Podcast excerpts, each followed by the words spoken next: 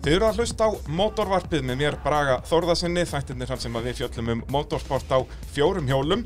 Allt saman í Nóa Sirius stúdiói podcastaðarinnar í bóði AB að vara hluta tækjaflutninga Norðurlands, Bíljöfurs, Bíla.sins og 870 Detailing. Og uh, við ætlum að tala um rally í dag og uh, rétt eins og við gerðum þegar hann Eiki Kokkur kom hérna fyrir tveimu vikum að þá ætlum við að tala um rally Já, fyrir svolítið mörgum árum síðan og hinga komin uh, í stúdíóið er Haldur Úlfarsson, sæll og blessaður Haldur. Kondur sætla að blessa það bræði. Þið náttúrulega, þú keftir með Eika hann, hann, hann myndist náðast á þig hann fyrir, fyrir tveim vikum, en, en þetta eru svona þessi ár sem við ætlum að, að tala um, það er svona, já bara allt frá hvað 75 til í rauninni svona 95. Já, svona, það er svona mann, ég Já. Já. til í það. Það hérna, þú náttúrulega keftir bara strax í, í fyrstu rallykefni sem haldin var hér á Íslandi. Já, ég hérna kefti í fyrsta ralleginu, mér minni nú að það það var FIB rallegi ef ég maður rétt Jú, jú, FIB rallin 1975.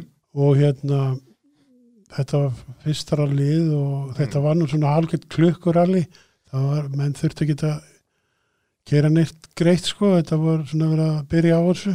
Já, þarna var þetta í rauninni bara svona meðalhraðinn. Já, það var bara meðræðin og, og, og klukkan sem að reyðu. Já, þannig að þetta var meira spurning um að halda haus, ekki gera neinn mistök og náttúrulega leiðum að gera mistök þarna þá þú gast aldrei unnið upp tíma Það er ekki sens. hann var bara farinn Það var bara svo lýs, þetta, ég man sérstaklega þegar voru svo margir þáttakatar. Já, Ég hugsaði fyrir- 53 bílar Já, ekki. Þú ert með þetta reynum. Fjö- Já, 43 bílar og 10 jeppar Já, já. Þetta var ótrúlega mikið, sko. Já, heldur betur og hafa aldrei verið fleiri Við náðum hápundinum hann strax í fyrstu keppnu og svo erum við allt verið á niðra við bara Já, já, þetta er gaman að þessu. Það er svolítið svoleiðis. Eh, Mótorvarpið að sjálfsögðu bóði AB varahluta og það er alltaf eh, þeir sem að spurja um hápunt og lápunt ferilsins og ég ætla bara að byrja á því haldur en, en AB varahluta er að sjálfsögðu með vestlanir um eh, land allt í Reykjavík, Akureyri, Reykjanesbæ, Egilstöðum og Selfossi og það er hægt að fá glasuritt málningavörurnar og þeir geta meira sem bara að blanda hvaða lit sem er fyrir þig á staðnum þannig ef að þú þarft að bletta eitthvað aðeins í bílinn eða hvað það er að þá bara getur mætt með bara bensínlóki á bílnum eða eitthvað og þeir bara skanna einn litinn og græja þetta fyrir þannig hvort í, á dollu eða í, á- í spreybrúsa. Uh, en Haldur, hápuntur og, og lágpuntur fyrirlsins, ef við byrjum á, á hápunti, er eitthvað svona sérstakt sem að kemur í hugan? Nei, ekkert, þetta var nú bara yfirleitt svona að tekja að léttleikanum og, og skemmtilegt. Reyndar, ég náði að vera Íslandsmistari 1983. Já, Hvað, það er að vera 30, það eru vera Það eru- 40 ár síðan. já, það er að vera 40, það er 38 ár síðan. Ef ekki að segja það sé hábúndurinn. Er það ekki að, að hérna að ná að vera meistari og vinna Ómar Ragnarsson það er ekki margir sem geta sagt það það eru bara, þið þið eru bara tveir sem að náðu því sem sagt yfir heilt tímabil, það er þú og, og Hafsteinn Heitin Haugsson Já, já. þannig að það hlýtur nú að vera hápundur, ég verð að vera samanlegaðir þar Já, en ég man ekki eh, eftir einhverju lábú, nei hvað sagður þau? lágpunti, já, bara Lágpunkti. svona eitthvað eh, hvort það sé bara eitthvað ein sérleið eða ein mistök eða heilt tímabil eða hvað það er Já, það eru öruglega eitthvað um svolítið, ég man þá eftir því að þau fóru stapan á, á, á Hi- Toyota Hilux, það var nú bara síðasta rallið sem ég fór í, já, þá eh, kom að flegi ferði yfir stapan, sko, það var grjót, stort grjót að miðum veginum og hérna, verst þótti mér að það var fólk í kantinum já, Hérna, En ég komst ekki hjá því að gera það og við skemmtum bílinn og við eiginlega hættum, það var eiginlega hæ- síðasta rallið já sem Öksulli fór út úr þannig að hjóladóttina framann og og allt í steik bara, já, já, þetta er svo sem gera ekki til, við vorum bara að keppi einhverjum jeppaflokki, sko. akkurat, akkurat En þetta var svona hálfúlt, þetta var ekki Já. hægt að gera neitt í þessu. Nei, að enda hérna á, á risagrjóti og, og, og allt í steik og við náttúrulega munum fara vel yfir en þann magnaða fyrir líði sem þætti því að eins og segir að það er, það er allt frá að vinna Ómar Ragnarsson 83 í að að keppi jeppaflokki árið 96 eða hvernig sem þetta var hérna þannig að það er, það er að nóga, næg að taka og eh, sérstaklega þetta sem hann talaði um áðan að þú tókst þess ekkert allt of alvarlega og, og ég sko sá það sérstaklega svona í, í minni já hvað segir maður, svona researchi fyrir þennan þátt þegar ég var að lesa gamla, gamla bladagreinar og svona að þá voru þú veist kannski heil opna með sko viðtölum fyrir alla keppendur fyrir eitthvað vísisrall eða eitthvað svona Já, og, og verið að spyrja allavega á hvað á að gera í þessari keppni og allir bara, já, heyrðu, það er bara fyrsta seti og ekkert annað, við erum búin að tjúna þetta og da, da, da, da, da. Svo kemur uh, Haldur Úlfarsson, hvernig Hvernig spáður þessu rally? Æ, ég veit það ekki, ég ætla nú bara að reyna að keira þetta eitthvað. já, Þú já, varst alltaf mjög bara svona slakur yfir þessu öllu saman. já, ég held það sko Já, það ekki. Maður, hérna, En er það ekki líka svolítið líkillin að velgengni í þessu? Jú, ég, eða, ég sko ég hérna, er ekki þessi keppnist típa sko. ég, Nei. ég hérna, vildi bara að allir hefði unni sko.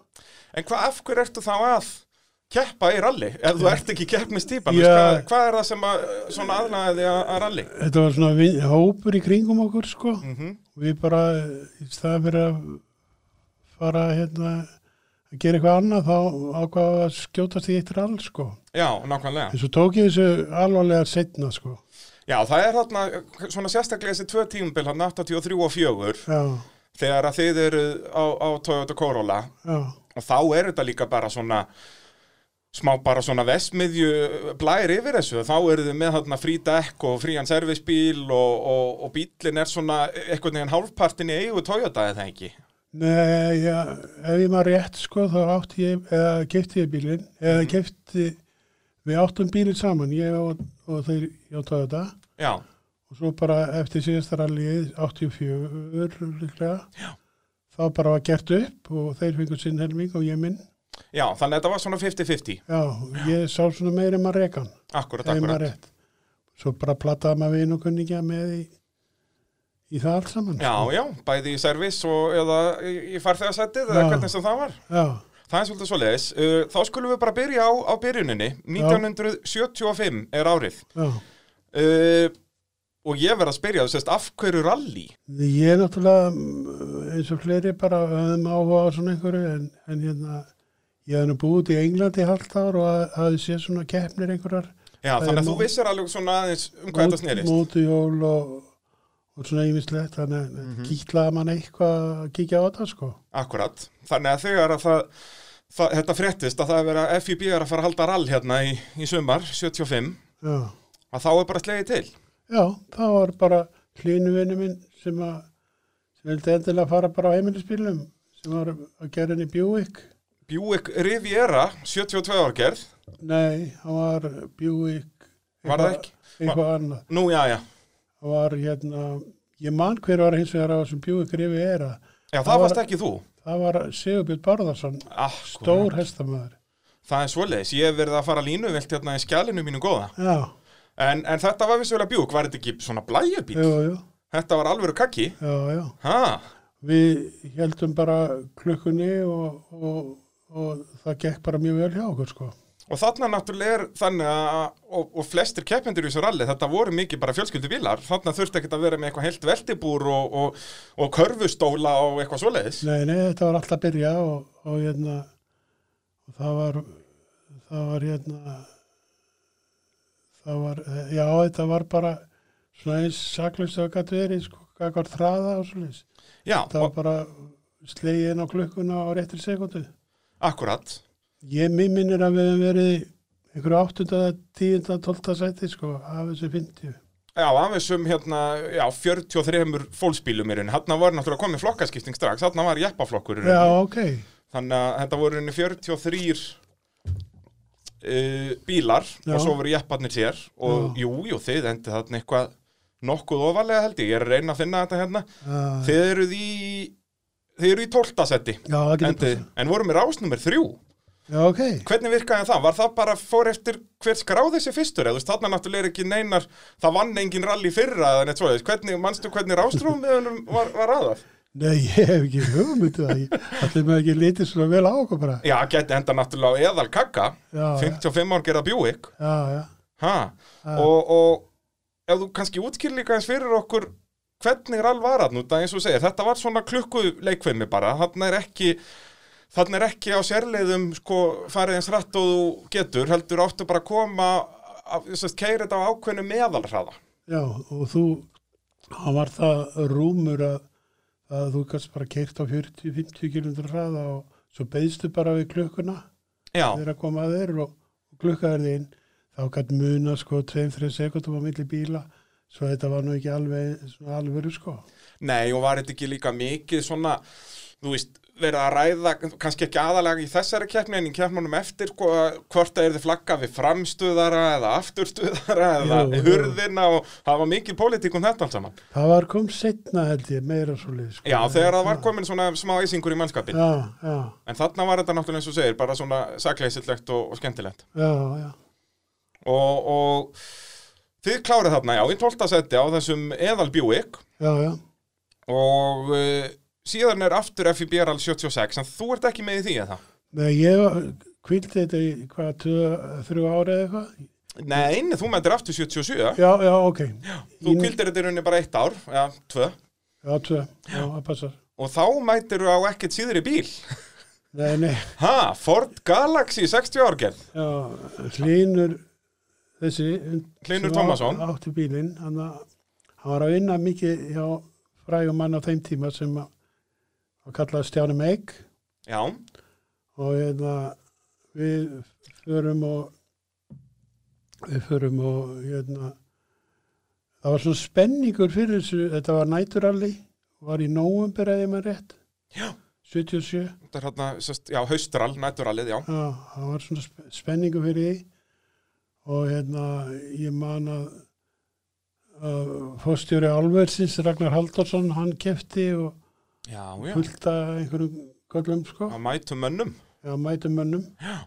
og hérna ég man að það var kyrt sko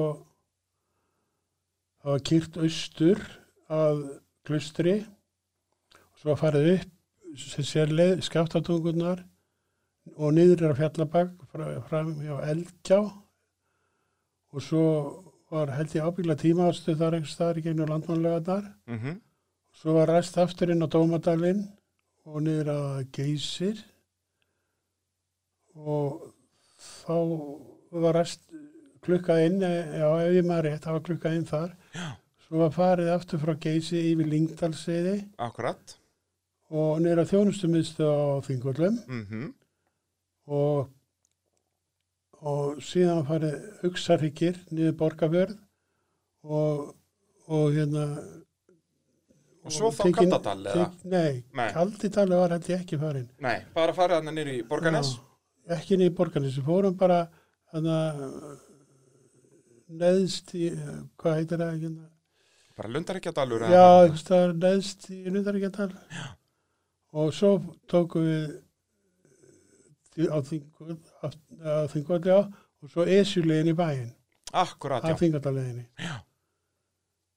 Þetta hefur verið heljarinnar all Já, þetta sakar alls sko. Og var ræst þarna bara þá um kvöldu að kerti gegnum nóttina, það var ræst um daginn eða? Það var, ég veist að ég man þetta ekki alveg, við Nei. vorum að keira um nóttina í myrkri sko. Ég held að sé, hafi verið ræst þarna alveg kannski svona bara setnipart Já, ég held að það geta eitthvað alveg sko. svoleiðis, passa. bara fimmleiti Já, það getur alveg passa. En það er komið náttúrulega á, á fjallabæki í nóvambur getur alveg mætt snjókomu og Já, svona, sko. já, já, blessaði vertu já, já. en, en af hverju er þessi bíl, er þetta bara eitthvað svona sem að hlýnur Heyrðu. átti og... Nei, já, það var eiginlega þannig að við ætlum, vorum að leita af okkur einhverju bíl til að fara í, þetta- í þetta næturalli. Já. Það, stjá, við fundum, byrjum held ég að græja einhvern, mann bara ekki hvað það var, eða hlinur, það var, hvort það var ekki bara Moskvits.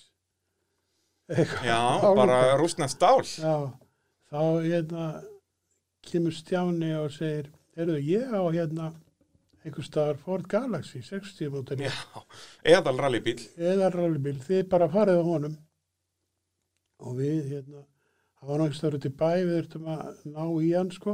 Já. Stjáni fann einhverja 20 leikla og sagði okkur að reyna að koma honum í gang sem er reynda tókst. Og þetta er sko hvað, þetta er fjögrættira bíl og bara, Já. sko það tekur að byggja tvo daga að lappa í kringum en hann er svo stór Já, já, hann er, var mjög stór sko og hérna, þetta var ótrúlegt faratæki sko en það ótrúlega finnst mér svona eftir á að það sprakk ekki einu sinni hjá mér og það, Nú gekk þetta bara eins og við sögðu já, og, og eins og var mikið bastla á mörgum annars sko það gekk þetta ótrúlega vel Þannig að, að það sprakk ekki einu sinni dekk og, og engar einhverja stórfenglegar bílanir. Nei, ég man þó eftir því að einhvers staðar gott að það er ekki brekkan þar sem að elgjáðan er Já, að hún var pökkuð á snjó og Ómar festi sig þar eða hann Ómar- er hann á Simkunni, Simkunni. hann Ómar, hann Ómar og Jón. Já, og hérna það er stoppatir fyrir aftan við, ég, manstu hvaða rásnúmer ég var með þetta Nei, Þegar ég er ég- ekki með það held ég. ég hugsi ég að verið svona 5 eða 6 eða eitthvað Ítu, jú, kannski er ég með það hérna. Maður sjá, þetta er ekki páskaralli, þetta er næturalli, þannig er náttúrulega búið að stopna BKR. já, já, Þetta er, maður sjá, það er á þeir, þú ert með rásnúmer 11 og endar í 11. seti. Já, þetta ok. var bara allt samkvæmt prógrami. já, já, akkurat sko.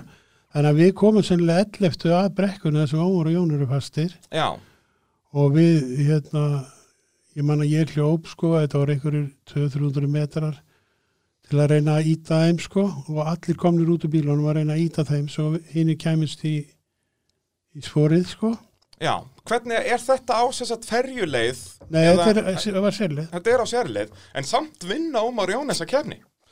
Já, þetta var svona byrjendar sístema á þessu bara, það var bara gott, þeir áttu það alveg skilið, sko Já, frábærir, frábærir karakterar. Já, en hérna þeir voru fastir og s- svo hérna tók allt svolítið tíma, sko Já, og hérna svo festu þessi hver á aður þarna út um alla brekkuna sko svo var nú komið að okkur að fara á Ég var ykkar þryggjatóna ferlíki. þryggjartónu veliki og ég hleyfnir yttir þá, hli, þá er hlinu búin að taka vendlalókin af vélina og nú fannst hann ekki vinna nógu vel bílinn Já, já, já. svo hann vildi endilega stilla vendlana og ég mann hvernig hann gerði það hann tók svona kóktappa og landi og kíkti svolítið á tappan og fann út rétta bilið lagði svo kóktappan á milli á öllum vendlunum og, og, og, og, og hérna og vendlalókin á og mótorvana hann lélegur í bílum og það voru svampar inn í vendlalókunum til að halda ó- einhverju ólíu niður á vélina Frábært. Já, já, mjög gott. En hvað, þetta var áttasínlendur eða Jú, ekki, jú. alvöru amerísku kakki Já, já, og, og búið að stindla vendlana fyrir stóru brekkuna. já, já og hérna við bök, eh, hlinur hljóp upp í brekku, ætlaði að taka mótið mér Já, og menn voru svona mótið að ég færi því að ef okkar stoppaði þá þá með verið erfitt að losa hann sko. já, þetta er bara sennilega eins og í bara Suez-kanalnum Já, hérna já, um daginn. nákvæmlega sko. Enda Akkurat. svipu stærð á, á, á það- því skipi og skipinu sem þið voruð á þarna. Já, já, maður segir það, svona með aðstæður Já, og hlutvöld. það er svolítið svoleiðis. Við förum og bökkum sko helmingi lengur í burtu en allir aðrir svo var bara svo var bara kert í þetta alveg og eins hratt og við þorðum sko eða komust og hann bara, hann átti sko bara null eftir þegar hann kom upp á toppin hann akkurat hafði það En upp komst hann. já, já, Og þetta er allt inn á sérleið bara, þannig eru menn Já, að stilla en- vendla með já, kóktöppum já, og já. hann fer upp brekkuna meðan þú keirir og já, já það, þetta, þetta hefur aðeins breyst í gegnum árin. aðeins Hvenar myndir að segja að þetta að svona svona já þessi stemming hafi hætt, þú veist eins og þegar þú ert annað meistar 83 og þá eru menn ekkert að vinna með eitthvað svona nei, nei, nei, nei, nei. Er þetta bara á þessum svona næstu árum sem að svona þetta, þetta fer úr svona svona fýblagangi yfir í að vera eins og rallir í dag? Já, já, já. Það er eins og við, hérna, þú veist, það var bara ein rás á útarpinu og það var bara ein rás í sjónvarpinu. Ég man ekki hvort það var sartkvít, sko. Já. Og, og svo var bara spiluð, hérna, óskalega unga fólksins einu sinni í viku og Nákvæmlega. það var, það var svo lítið í gangi, sko. Já. Og, hérna, þe- þetta, þetta var, já, já, svo kerðum við sérst áfram niður, niður áleiðis að landmannalögum Akkurant. og hérna þá er líklega sko verið stopp eða sko við okkur verið leift þar í gegn sko á ferrileið Já. og svo förum við niður hérna Dómadalsleiðina Akkurant. alveg Sest, frá landmannlögum eða að landmannlögum. frá landmannlögum Ok. og niður á, niður á veg sko maður ekki hvort við fórum yfir stípluna hann á, á búrfelli sko eða hvort við gerum niður fyrir og, og upp Já, fyrir. akkurat, akkurat. við sennilega bara fengið að fara yfir stípluna Já. og hérna, ég man að það var allan að gert einhvern tíðan Og, En svo komum við niður Þjórsadalinn á ferjuleið, sko, þar er þetta búið að klukka okkur út akkurat. og á, í Þjórsadalinn. Ég mann þegar við komum í Árnes, þá að hérna, það var einhvern veginn þannig að skiptingi var nú ekki sem best þegar við lögum að stað, Mæ. sjálfskiptingin, og lagsolti hlinur græja hann settir öri bara inn í gegnum kvalpavegg, í gegnum hérna stokkin þar sem að er á milli sætana það var eitthvað bekkur í honum það var bara Já, aðeins- auðvitað, það. aðeins um saman bekkin og hérna Og bara inn í bíl í rauninni. og hvarðaröri bara var þar sko Þannig að hvað, þið gáttu þið þá verið að fylla á já, á meðan, þið voru- á meðan það lag svipa fl- fljótt úr. já, já, það lag nú ekki kannski rosalega hratt sko Nei, en þau gáttu þá allavega verið, Já. verið að bæta á. þá korraði svona í sjálfskyndingunni þá þurftu að gefa honum eitt pela Gefa hún eitt beila. það var svona peli með röri, þetta var nýkomið þetta var mjög hentugt fyrir okkur Já, það ekki. við vorum ábygglega með tól pela í kassana svo hérna svo hérna förum við einmitt þarna niður, á- niður sko þjórsardals megin manni Mm komum við í Árnesi vorum að setja bensín og eitthvað það var hlínur sko það hefði farið að leka upp úr rörun á móta hann hefur verið búin að setja mikið á hann sko. Já, bara akkurant. þannig að hann fekk á sig einhvern svona s- rauðan sjálfsýttingavöku Og var þetta ekki sjóðandi heitt þá eitthvað? Var þetta búið að vera Já, það stund að við- stund á skiptinguna að þetta slapp til? við vorum með sko alveg tonna tvist eða einhverju tuskum og hann held bara yfir þetta i- inn í bílnum sko Þetta er náttúrulega bara dásamlegt. já þetta var dásanlegt og hérna en eitthvað fór á hann líka og svo þau komum inn í inn í Árnes að græja eitthvað þá held fólk að hann uh, við slasaði okkur eitthvað eða því að Já, hann, þetta hann var allur rauður. hann var allir að rauður sko Eins og hann hafði bara verið að fengið eitthvað resastóran skurð eitthvað staðar og væri bara allur alblóður. já, já eins, svona að því varum að tala um hvort þetta var eins og í dag sko eða eins og Já. þetta var 83 þá mannið þau komið niður Jökuldalina það var það sem ég glemti að ná að þegar ég var að spiklur í þessu Mm -hmm. þá var svo þröng gilvar sem er endar ekki þannig í dag Akkurant. og það voru fullt af bílum fastir þar sko Já. við hérna voru svo góður í okkur við bara stoppum og dróðum það upp hvernig að öðrum á s- stóra bílum Já, ég segja, það enda er þetta hann, hann er sennilega sláið þrjú tonn þessi bíl. já, allan allan er meiri 2 tónn Já, eða 2,5 eða og bara var fátt að aftur dreifið og getur ekki klikkað. Já, já, bara flöytuði mig verið allt maður. Ekki vandamálið. Nei, nei, nei, nei, nei, það var, það er, mér, eftir sem lengra liði frá þá skil ég minni í, þessu.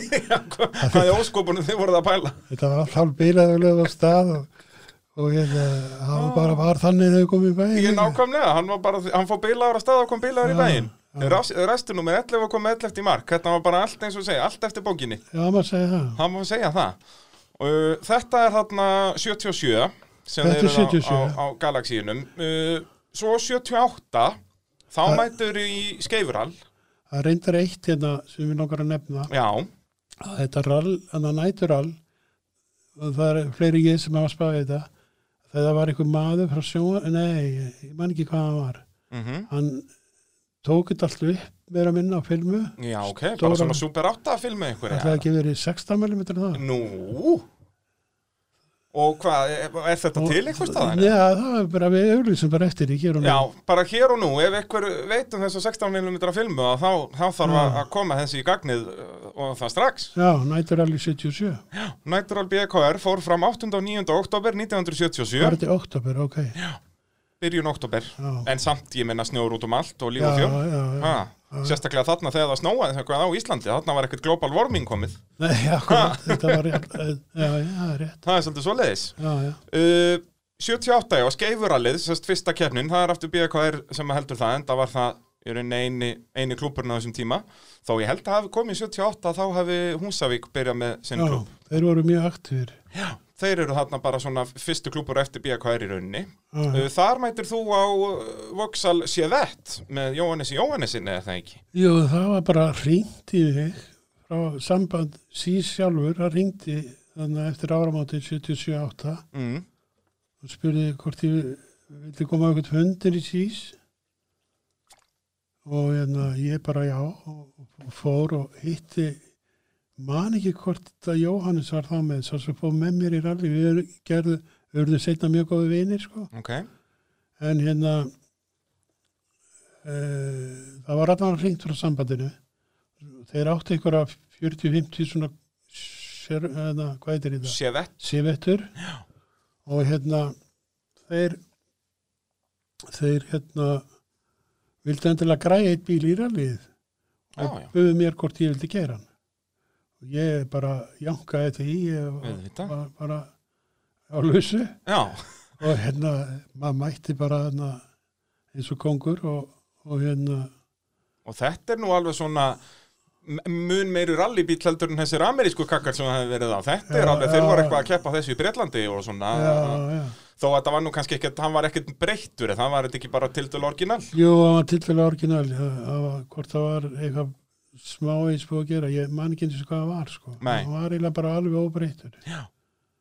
og hérna það var það, það, það, þarna var eiginlega orðið klukkur alveg aftur sko Já, er það ekki, það, þetta verður unn ekkert Já, fyrir kannski svona 79-80 sem að uh, meðalhraðadæmið hættir svo næturali verður, verður svona aðeins rúmlega klukkur al að menn er að festa sig skiluru og Já. þurfa að jafna upp tíman Já, þú menar þetta var í raun sko já, og þannig sem það var svolítið svona, svona hraðara en ella sko Já, akkurat, vegna þess að menn þurftu að fara að vinna upp tíma já, eftir að þeir voru að lenda í basli og þá náttúrulega keirur bara eins rætt að þú getur já, það var svolítið í þessu næturali og það Nei. var eitthvað ekki gott eða var ekki líka sko FIB-rallið 76 þar sem margar leðarnar voru það erfiðar að þú gast ekki keirtar á 50-60 meðalhraða þannig að þannig var það alvöru rally en það var alltaf bara kannski einu og eins erlið Þa, það er ennþá heilt yfir er þetta bara menna lötla sér og stoppa og býða og fá tíma sko já, já.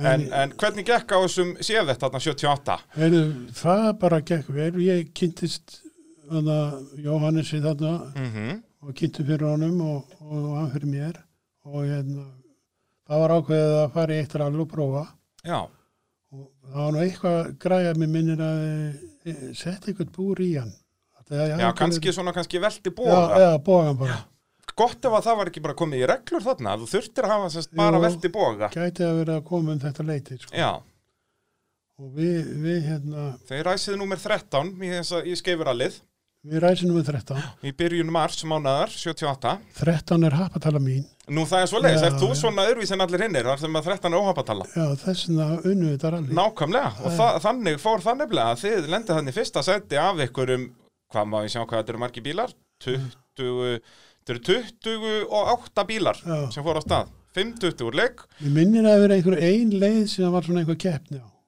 já, annars var þetta svona bara Já.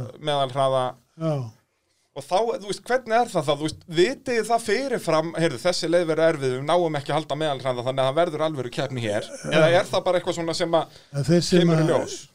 geta lesið þessar tölur sjá það strax sko Og varst þú til dæmis með það á hreinu eða bara svona kom það upp að ykkur bara, já, ég maður svona vissi það nokkuð deginn sko, Ok. held ég en Bara- það hlýtur nú að vera svakalega pressa ef það er þarna kannski einhverjar 15 le- sérleiðir, en það er í rauninu bara ein þar sem að þið vitið að þið munið ekki ná þessu meðalræða og þá verður þið bara að fara hratt. Já, ég, það sem er á mig einhver ein leið það er svona, þurft að halda sér við efni sko. Já, akkurat. þetta var svona að róleira eitthvað Ha, Ekki bara keira á, á 80 og býða í, í 5 minútur í andamarki. Nei, akkurat og, og eins og ég segi, það hlýtur þá að vera já, helviti mikið press út að þá veistu að rally munur ráðast á þessar leið út af því að menn eru að tapa svo svakalega litlu í, í klukkuleikviminni Já, já, það er svolítið, ég man að það var sýning svona átó, átt- átó 78 já, já, líka var ekki eh, yfirleitt hann Hafsteinn sem var Jú, aðalmaður þar, já. eða var það árin eftir sem Hafsteinn Hauksson var sá um átásýninguna Já, það var hefndi setna hann er hann náttúrulega ekki byrjaður, hann byrjar í haustrallinu þarna 78 Já,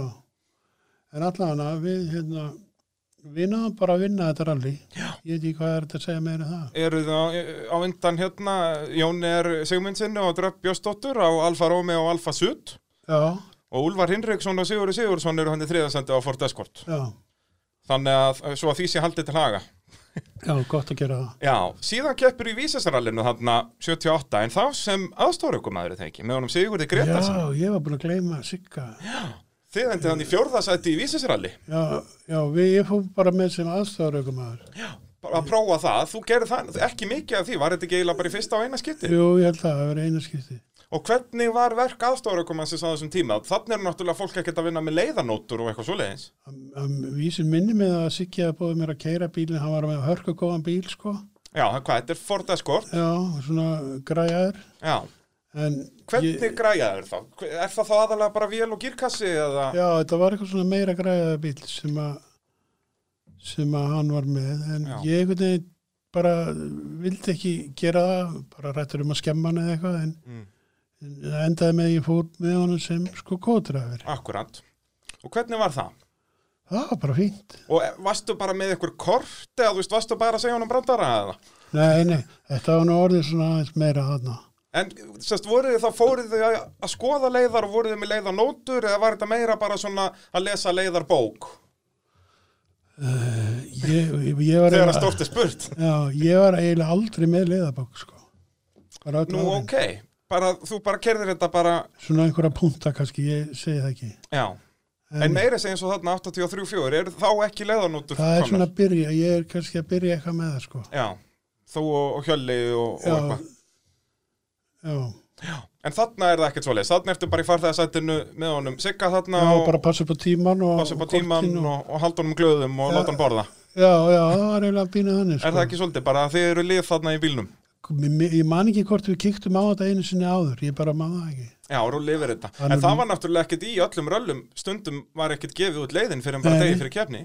Nei, nei, það var eins og held ég að veri á, hvort að það var ekki þannig þegar við fórum með á úksalum eða séfitinni. Já, ég held það. Það var held ég ekki gefin upp leiðin. En í s- spurninga í vísasarallinu þá hafi verið gefið út. Þarna er vísasarallið orðið tveggjataða kefni. Já, Ómar Jón vinna þarna, ótrúlegt en satt, eins og er gerði nú bara flest öll röllin hana. Vísistralli 78. Já. Já, ég fór held ég ekki í það. Jú, það er það sem við erum að tala um. Þarna ertu aðstofarökumæður, Já, með Sigga Með var það í Sigga. Vísistralli. það var í vísasaralli, Já, sko. pældi, Já, já, blessaða vertu. þú segir það, hann man ég þetta. Já, það er hérna og, og maður sjá, jú, jú, það eru Ómar Jón sem að vinna hérna, Hafstein, Hafstein Alsteins og, og Magnús Pálsson í öðru seti á, á Datsun Já, það passar. og hérna þannig að þarna fegstu svona smjör þegar við náði að vera aðstofarökumæður Já, og uh, þá er komið að spurningu dagsins í bóði bíljöfurs þannig ef að þú hlustandi góður þarft að fara með bílinn í, í viðgerð að þá um að gera að kynkja upp í bíljöfur á smiðivegi 34 Guðl Gata og þeir gera allar gerðir bíla og sér hafið þau samt í Jeep, Dodge og Chrysler og þeir eru bara með almennar bílaviðgerðir og svo líka geta þeir verið að gera upp sjálfskiptingar og ég vélar og, og ég veit ekki hvað og hvað Spurning dagsins, Halldór, á þig er Þú Já. endaðir í fymta sæti í Ljómarallinu árið 1980 en rétt fyrir rallið þurfti að stytta ekstusleiðina umtalsvert. Af hverju var það? hvað sér ég, Ljómaralli 1980? Já, af hverju þurfti að stytta ekstusleiðina alveg heil mikið í aðdraðanda keppnar? Ertu að fara í gegnum bara blöð, allar að, allar að svindla? Ég er að svindla. Ég er með skrifaði lóan. Já, Nei, ég, ég kveikir þetta ekki neitt? 80. Er ég með sigga 80? Með þú ert þarna aðstóra okkur með cirka 78, Átta, já. þetta er 80, þannig ertu bara á... Þú ert að fara svo rætt yfir maður. Já, en þetta er bara svona sér spurning dagsins. Já, Þannig ok. ertu, þú, þú ert að forð fíjastu með þorði, Á. þarna. Er Já, það já, ekki? það getur passa. Heyrðu, En- en af hverju var þurfti að ekki bara stytta- hekla að gjósa? Það er hár rétt. Ég vil að maður skýri. Já, það er líka, ég vildi hafa þessa spurningu svona í tilöfna því að það er nú elgos í þessum Já, töluð orðum. já, að já. Þarna lendu Byggi Braga og, og fleiri sem voru að skipilegja þetta rally í miklu vesenar sem bara helmingurna akstöðsleðinu var bara, það var allt út í ösku. Já, alveg Þannig að rétt. þeir þurftu að stytta þetta helling og það náttúrulega líka upp á bara með umferð og það var náttúrulega svo mikið af Íslendingu sem vildu fara að skoða gósið og það gekk ekkert að fara að halda rallíkeppna þarna eh, undir eldfjallinu. Nei, nei, það er rétt. Þannig að þetta var mikill hausverkur þarna en uh, þú að samsögum með þetta allt á hreinu. Já, það er störa. Það verið störa en uh, við ætlum ekki að fara svo hratt áfram. Nú erum Nei. við bara aftur hérna, komin til 79. Já, Þar er það Finnlux rallið sem er, er fyrsta keppni, það er Vorall og þar Mm. ertu komin á, á Toyota en ekki Corolna, þetta er Toyota Celica með Já. tryggva aðsteinsinni já. og nær þriðja sæti þarna Í hvað er alveg það Þetta sér? er Finnlux-rallið, Finnlux. fyrst, fyrsta keppnin 79. Ok, í þriðasæti. Já, samkvæmt mínum gögnum, mannst Já. eftir þessu, hvernig Já, já. selika var þetta? Þetta var bara Toyota Celica 72-3 mótilið, sko. Já. Og bara allt svona tildulega orginal, Já, 1600 rúmsvendumetra vél. já, já, bara orginal vél Já. og bara flottu bíl, sko. Já, og þarna náttúrulega eru menn ennþá á bara þar, svo til orginal bílum, þannig er þessir svona alvöru eskortarnir þetta ekki alveg komnir strax. Já, já. Er það ekki? Þannig er bara Ómar og Jón eru þarna ennþá á Simkunni eh, og Hafsteinn Aðalsteins uh, var með rásnumur eitt í þessu ralli, hann er á BMW hver hann á töðu í þessu? Það var Hafsteinn, hann var í öðru seti og Marjón fyrstir og, og þið tryggvi í þriða seti þarna á 12. selíku Alveg rétt. restu nummer 12 Já. og þetta gekk svona ágætlega, þú veist, hvernig var pælingin hérna, 79, þú veist, vildur að fara að keppa alveg að fullum krafti eða var þetta ennþá bara svona, já, við mætum einu og einu keppni og höfum gaman eða, eða svona, hvernig var andinn? Já, þetta var svolítið svo leiðis. Já, Bara- það var ekki, ekki mikill svona alvarleiki í þessu. Ég, auðvitað, eh, ég er ekkert að gera lítið úr því sko að keppa en þetta var tekið svona samt mátulega alvarlega hjá mínu liði sko. Já, þarna var ekkert sem sagt eitthvað fyrir tímabil að- að Nei. græja bílun og það var Mm. búið að plana mæti í allar keppnur og eitthvað svo leiðis. Þetta var bara svona, hei, það er all Já. mætum. Það var bara gert á einu föstudegi eða eitthvað. Já, nákvæmlega. Máli dött. Bara skellt sér í rall og, og máli stendu. Já, það var á þessum tíma sko. Já, akkurat. Uh, síðan gra- gengur þetta ágætlega þarna 79 tímabilið. Þau- Þau náðu aftur þriðasætt í hótelrallinu Já, ok. og, en síðan dettið það vissulega út í, í vísusrallinu. Þá eh, brotnaði hjá okkur spilna, samkvæmt einhverju blaðagrið sem ég las. Já. Manstu eitthvað hvað gerðist þar? Manstu að fara út af það? Nei, nei. Nei, að sjálfsögðu ekki. Það sjálfsög ekki. Þú gerir ekki svoleiðis. Jú, jú, það, það er sko, við, ég held, sko, duttu ekki út á þriðja degi, Jú, gott ef Við ekki. erum að Af fara- fjórum þá er það ekki. Það voru, þrí, voru, það voru þeir fjóra bara eða þrír. fimm dagar, sko. Það voru Þarna, ótrúlega- ég held þarna, 79 og náttúrulega ekki 80 út af því að það er þetta stittar alveg það. En þarna er þetta komið í svona þessa svakalegu vegalengdir sem að síðan við fórum að bakka eins með þarna aftur 83-4. En þarna gott ef að 79 vísa sér alveg að það er ekki þarna bara einhverju fjóri-fimm dagar Já, ég og allavega, endalis ég keisla man, bara. ég man það að mér gekk rosalega vel að það, Já. var orðið langfyrstur held ég, Á sérleikunni? já, já, já, Já.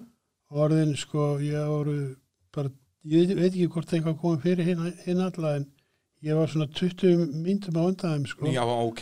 Þegar við leggjum að stað inn frá Húsavík inn á Bárðardal, Já. eða eh, upp Bárðardal og inn á Sprengisand og hérna svo gerist það að hérna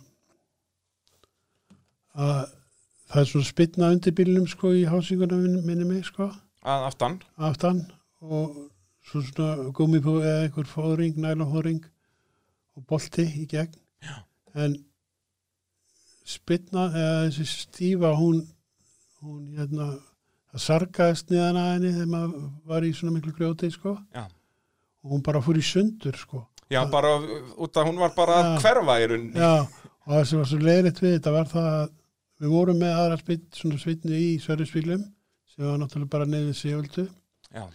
en við hérna við hérna vorum bara alveg steinstoppan það var ekkert hægt að gera sko Og er það hásingin, sest, er þetta spynnan sest, er þetta spynnar sem eru svona liggja beint undir Já, bílinn já, eða þetta mér er minnir ekki það. þverstífan eða Nei, svo nei, nei. Þannig að- að, og Já. var þá sp- hásingin er bara búin að skekkjast öll undir bílnum út að, og ekkert hægt að fara og, og, Já, en, Og- hva, en var ennþá drif, þú veist, pompaði drifskaftið ekki úr eða neitt svo leiðis? nei, eh, ég maður, nei, ég held ekki sko Nei, en það var alltaf En ekkert Við hægt að sáum gera. bara að þetta var vanlega staða og, og hérna og hérna og hérna skal ég segja þér, já, þetta var bara já, það hefði já, þessi vest var í þessu sko af því að þessum árum var nú kannski ekki að skoða þetta á mikið sko Nei, nei, að þessi spynna hafði verið farið áður en við keiftum bílinn sko nú, og hún hafði verið svoðinn saman já, þetta var bara einhver gömul sjoppilega já, viðgerð sem já, að já, fór hana. það var nefnilega Uss, bara. svolítið fúlt sko Já, það er pínu, pínlegt já, já, að hérna, þetta getur verið eitt lágpunturinn sem Já. ég er að spyrja þig um áðan Já, þarna, já. að vera að leiða vísesrall þarna með einhverjum mörgum mörgum mínúndum já, já, það var svolítið svolítið en það er nú uh, engin annar en Hafsteinn Hauksson sem endaði að vinna þessa kefni Já, vann hann. Kári, Kári Gunnars enda með honum Já, ok. Hafsteinn náttúrulega kom inn í þetta með svo svakalegu trompi þarna, hann Já. bara keppir fyrstu keppnina sko haustrallið 78 bara á einhverjum lánspíl, ég held að það hafi verið einhverjum pingulítill Runo eða eitthvað Já, já, Svo bara mætir hann á eskortinum hérna með númerið M6 hérna Já, já. MK1 eskortin rauði am, am, am. og verður bara Íslandsmeistari strax 79 hann er bara, verð, er lang bestur hann bara 1979 og verður meistari fyrsti Íslandsmeistarin í, í rally já, það var að byrja þessi, þessi, sko, já, þarna er bara, það er 79 sem er unni lýja er stopnað já, já, og þá er fyrst farið að veita titla í öllum þessum greinum Já, já. rally og, og torfæru og öllum þessu já, og þetta vissulega þó að kannski Ómar hefði átt að vinna þarna mestaratitilin einhver ár fyrir og þetta hann vann flest alltaf keppnar en það var ekki veitturinn formlegur titill Nei, nei.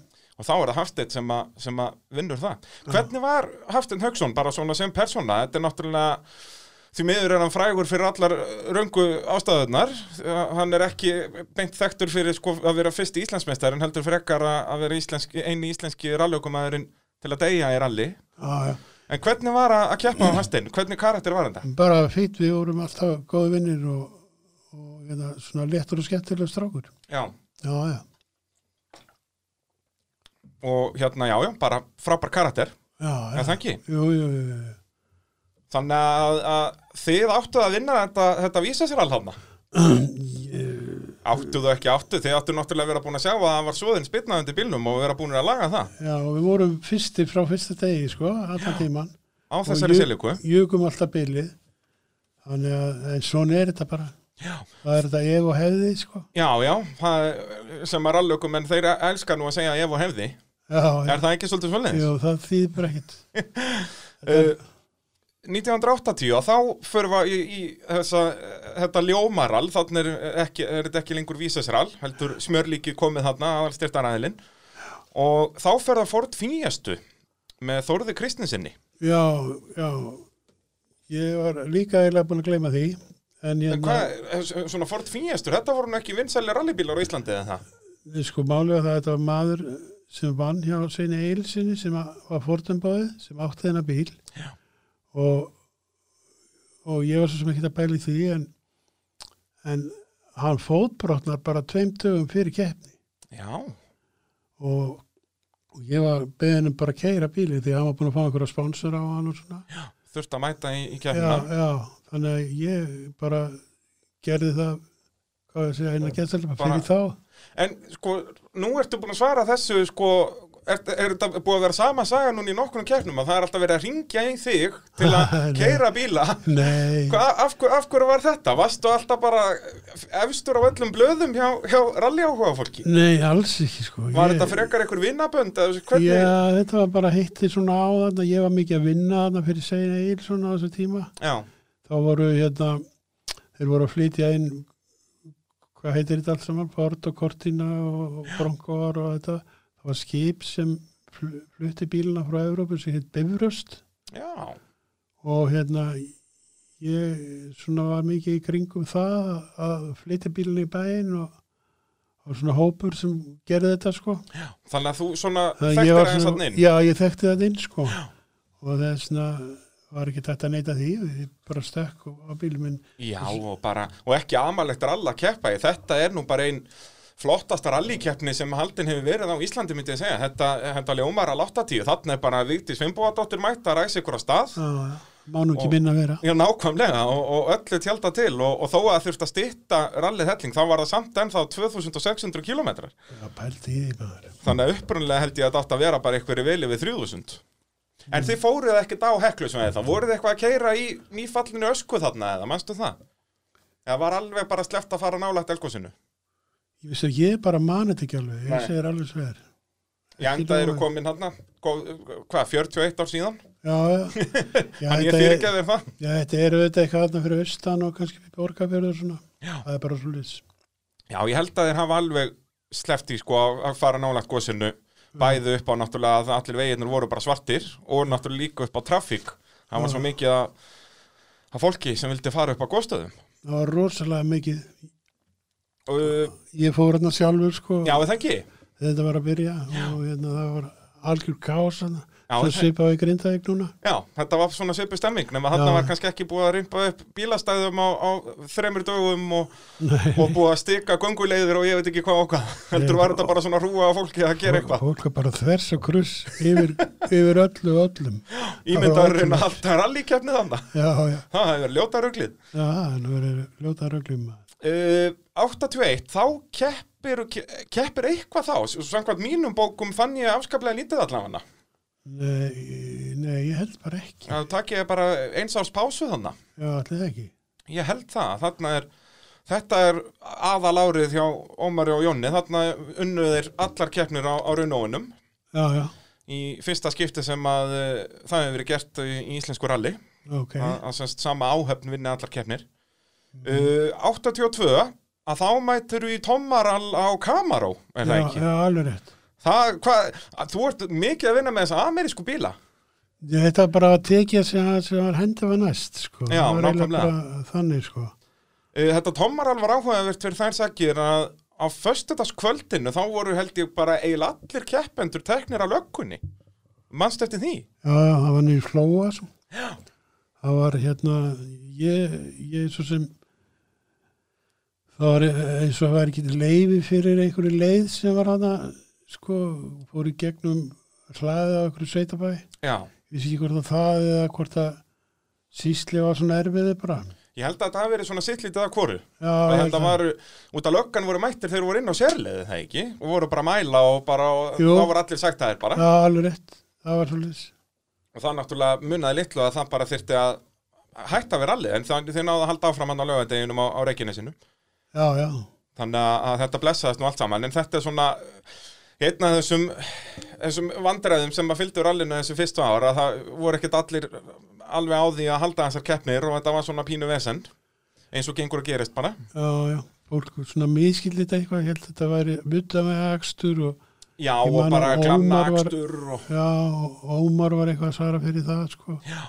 Að við eitthvað, sko, fréttamann já, ríkis sjónvarpi eða útvarpinu eða eitthvað staðar. Mm Þá, þá, þetta er eins og allir vita sem er eitthvað komin nála þessu. Þetta er bara á veginum.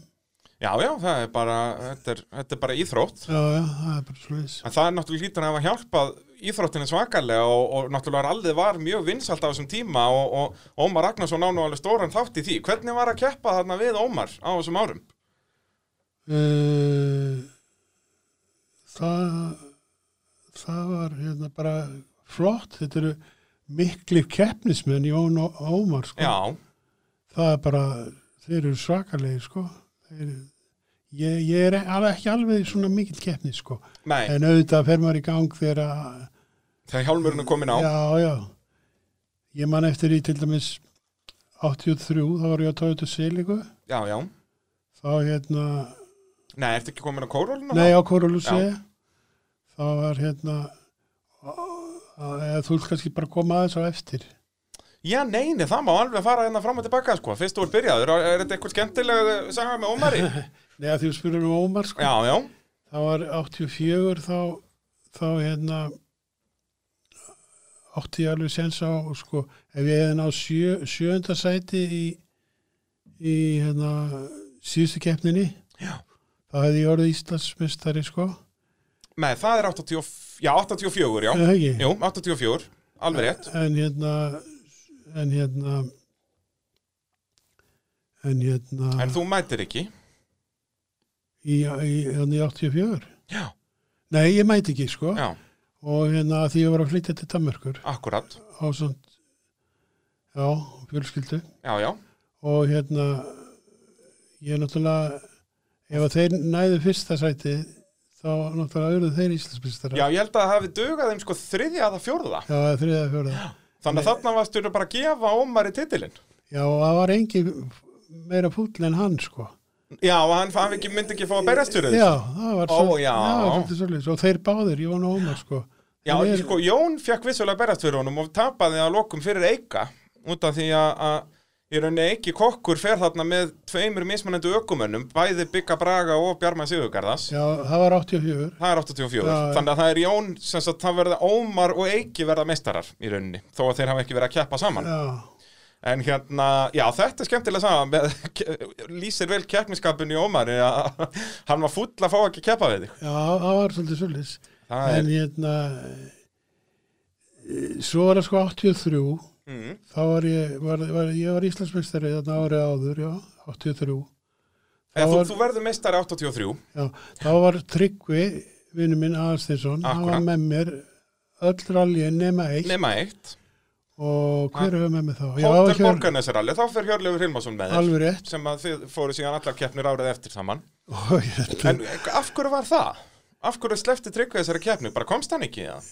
sko ef ég maður rétt þá þeir voru með E ET-flutninga Já, og þetta var T-hlutin og hérna það var bara, eh, var eitthvað mikið að gera og hitti bara svona á sko því að Akkurat. svo kom hann í alla keppnir á eftir. já, já.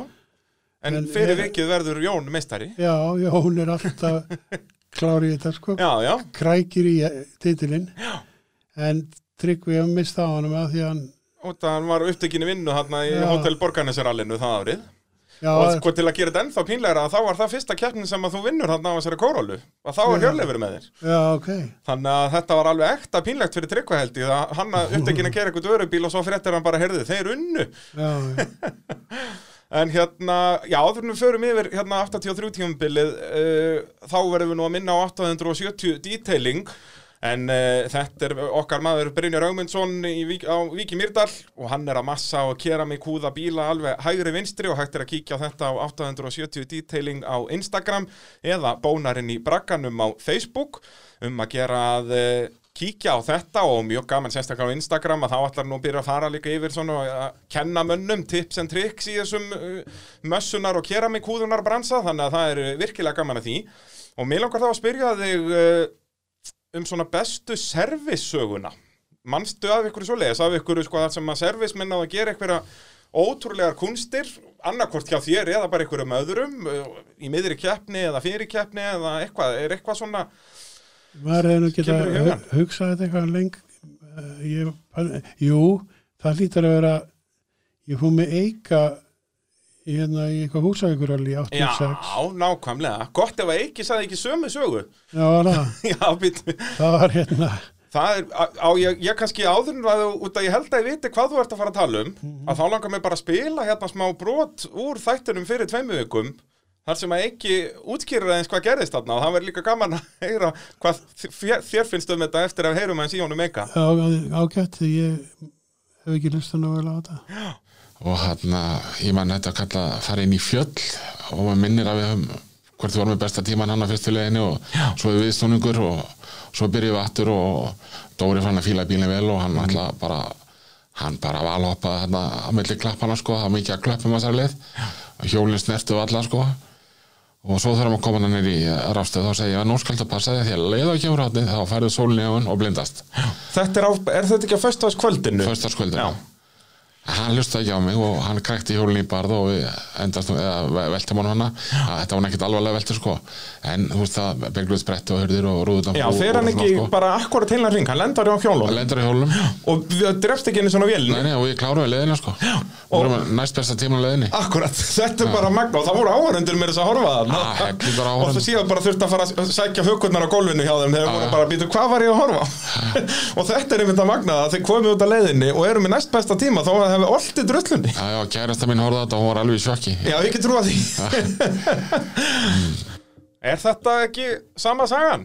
Jú, jú, þetta, þetta var svona í minningunni þá að gæti þetta verið svona, jú, jú, þetta er sama sagan, sko. Þetta er svolítið ævintýralegt og þarna náttúrulega eh, skemmist bílinn svona útlitslega talsvert þó að svona öll dekk beinast cirka í rétta átt og svo leiðis en það vantaði allar rúður og, og svo leiðis Já, ég man, við vorum alveg að koma inn í markið og enda á annari leið, sko. Þetta Mhm. var endamark bara fyrir daginn. Já, var þetta ekki bara 100 metrar í markið? Jú, eða eitthvað? eitthvað svo leiðis. Og að startarinn hefði verið eitthvað bilaður, þannig að ég, þegar ég að rúlar hingin, sko, þá þurfti ég að passa með að halda hann í gangi. Já, að kúpla og uh, gefa þess inn og svona. Já, til að hérna, halda þetta gangandi. En þú varst allavega alveg með það á hreinu þannig að Já, já. heyrðu, þú vissir að startanum er bilaður, Já. ég ætla að halda bilum í gangi Já. alveg sama hversu mikið við rúlum hér. Það var svolítið svo, og svo lent hann bara að fóra eitt ring, sko, og lent á hjólunum. Og það, hérna, Þið brunið í mark, ná næst já, besta það var tíma. nú sprungið ábygglega einu eða eitthvað, en Já, ég held að Já. hann sprungið að aftan. Já, og hérna eitthvað rúðum fór úr og bygglubretti og svona. Já. Og þetta er nú, þessi service það er svo skemmtileg því að það er bara ákveðið að hlínur, hlínur hérna, Tómasson var nú í service hjá okkur, Mm skemmtilegi maður og Raggi Braga, hérna, Bjarna, ekki söngari, Ekki sungvarinn. Ragnar B. Petnarsson, hann var með okkur í Sörlurs líka. Það var bara bílnið að ke- tekin inn á eitthvað vestæðinu á Húsæk, Guðfélagsstæði held ég. Já. Og byrjaði að gramsi í honum og við, hérna, næsta skrifa náttúrulega að finna svipaðan bíl til Já. að, til að fá rúður og svona og við bara dettum ofan af bíl. Já.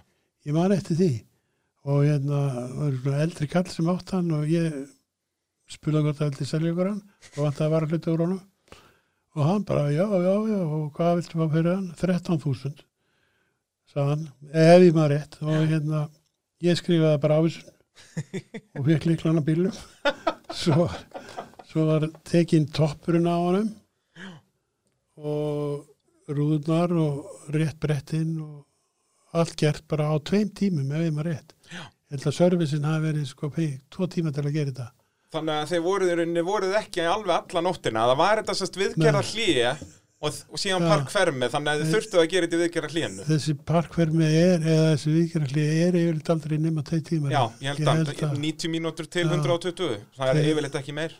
þannig að þeir náðu allan á tíma að Já, gera þetta þannig að þetta var ekki þannig sko að þið máttu fara heim með bílinn um nóttina og nýta alla nóttina, heldur þurftu Nei, það að gera já, þetta á þessum tveimur já, tímum. Þau gerðu þetta bara á tveim tímum Og hvernig var það þá skiluru, er, þú sendur þarna að kaupa bílinn Já, já, og burrar með hann upp á viðgerðasvæðið já, og svo er bara farið í að rífa úr honum rúður og gera hann græða. já, já. Svo var bara sissaða milli brettum og rúðum og, og alls konar og, og græðaður sko Svo fórum við hli- hlinur og prófum með bílum Það voru nokkra mítur eftir og allt virðist sér í lagi sko Og hérna, svo bara byrjar þetta morgunin eftir Þetta er all Þá er hérna Þá finn ég að það er ekki í lagi með hann í stýrinu Þá hafði brotnað einhver, einhverju boltar sko Alveg á rétt. stýrismaskinni og hérna og hérna ég mani, ég held að ekki verið hægt að gera þetta það var þetta að laga þetta eitthvað Já, mér minnir það, það var alltaf, þetta var að bögg ykkur allan tíman já, og gott ef þið endið síðan ekki á að bomba á einhvern stein og sprengja tvö dekk, sem Nei, sagt. nei. Var það ekki þarna? Nei, Nei. ok, það hefur verið í annari kemni. það var eitthvað annað Já, en þarna sem stýrið er að tröfla ykkur allan tíman. Ég held að þið endið í fjórða að fynda sætti. við endum í fjórðasæti með það og hérna með þess að stýrismaskinu lausa Já, sko. bara, og var það þá aðalega sérst bara ótrúlega mikið slag Já, eða bara já. þungt stýri eða, nei, nei. slag það er náttúrulega vita ámálust það er ekki að það er alveg með já, hálfan ringi slag eða það eitthvað getur verið svona kannski snöggur á svona stýttri leiðum þú veist, það er ekki mikill hraði já.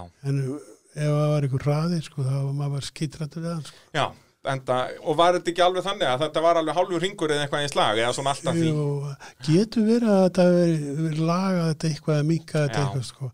Þetta var, var eiginlega ágeirandi sko. já, ekki trúa því En við náum fjórða þannig að á, á þessum eskort, hvernig voru að keira þetta var í fyrsta skipti sem hún kerðir svona RS2 og svona eskort en það ekki í rallykefni Jú, ég bara fíla hann ótrúlega vel sko. Er Ég það er nú ekki? við, bara við ekki hann að enda bara keppnistæki, Já, já, gamli bílunar hans eh, Hafsteins Haugs já, já. og Hafsteins Aðalsteins eða ekki, er það ekki Hafsteins Aðalsteins sem byrjaði á honum Þetta, ég þekkti ekki alveg söguna á þessum eskortum sko. Mér En minnir það það, er- þetta er það- bílinn sem að Hafstein Aðalsteins og Birgir Viðar kaupa saman Já, og síðan Já. henni kaupir Hafstein Haugs Já. hlutina Hafsteins Aðalsteinssonar og þannig byrjar hann og Birgir Viðar að keppa saman. að keppa. Já, þetta var ótrúlega, hérna, þau voru svona rásfastir og flotti bílar sko. Já, en það ekki, en Já. það bara vinsalistur rallybílar í heimi. Já, allt sem ég hefði snert sko, það var einhvers þar way up from sko. Já, og náttúrulega líka það að allt þetta afli, minna þó að hann, hann var allavega alveg vel yfir 200 hestum, minna Kórólan var aldrei, náðu Var- því aldrei. Ég held að það veri bara svona vennileg 2000 vél sko, Nú, ok, já, var ekki með keppnisvelinu þarna. ekki einhverja stóra vél sko. Nei, ok. En samt eitthvað að búa pitt í henni sko. Já, Ætlum sé að það ekki kannski svona 210 hestum. Jú, eitthvað svoleiðis. Ég geti öll tróð því. það geti, geti verið hérna, förum það aftur til 83 Já, þarna er, er já, kannski svona í fyrsta skipti komin alveg svona full alvara í þetta eða ekki, hvernig er, svona byggist þetta upp hver átti hugmyndina að þessari Toyota og, og, og svona hvernig var þetta allt til já, þú meinar. Ég bara, það kom ekkit margar svona tóðið til landsist. Nei. Ég man að þessi var hérna, það voru kannski, ég man ekki eins og, sko, það er 83 kemur tvingam Kóraland sko. Þetta er bílinn á undan henni. já, þetta er ekki svona eins og þessir sem urðu síðan svakalega vinsalir Nei. í íslensku ralli þetta er Nei. einn ein, ein árgerð eldri já. Já, og við bara, það var nú, við fórum til Englands að kaupa dempar í hann og eitthvað, nú, Nei. Ma- var ekki bara Carlos Sainz eða eitthvað svona, kalla á svona bíl. það getur verið Ég held að við skilaði einhverjum árangri, sko, einhver, það var einhver, sko. Já. Þannig að við gátum fengið svona eitth- eitthvað smá í hann, sko. eitthvað af svona keppnistóti Já, ég- eitthvað, eitthvað stífur og drasl Já, og hérna, en, en bílinn hann er alveg smíðaður hér er það ekki, það Jú, er jú. smíðið hann veltibúr og allt hérna á Jú. Íslandi bara Jú. a- a- a- en það er svona reynd að kaupa í hann eins og hægt er af, af hérna einhverjum dempurum en, en þú veist eins og vélinn var ennþá svona nokkuð orginal, Já, ekki, hann var nú hún var- eitthvað búið að gera eitthvað pínu bara sko, hann vann, hann vantaði svolítið upp á vinsluna sko, Já, en það ekki, þetta Já. voru bara einhver hvað 160-70 hæstöfl, og ef hann náði því sko já og þetta vann mest af snúningi þú veist það er alveg að- alveg að pínan bara upp Já, í já. eitthvað 7-8 þúsund já, bara nóg, nóg mikið sko og hérna, og þannig er þetta svona ég helgar hennar útgerð, þannig eins og við talaðum um áðan að það er henni þú og Toyota sem eiga bílinn saman já, eða svona eitthvað 50-50 já, það er eitthvað svona viss og, og, og þið eru með sponsarna frá Solningu, fáið all dekkin þaðan já, já og styðjum íslenska framleyslu, þetta voru sólu dekk, já, nákvæmlega, og það var Íslensk. svolítið leiðið því er það ekki þarna jú, ég held að við, við lendum aldrei að vandra með þetta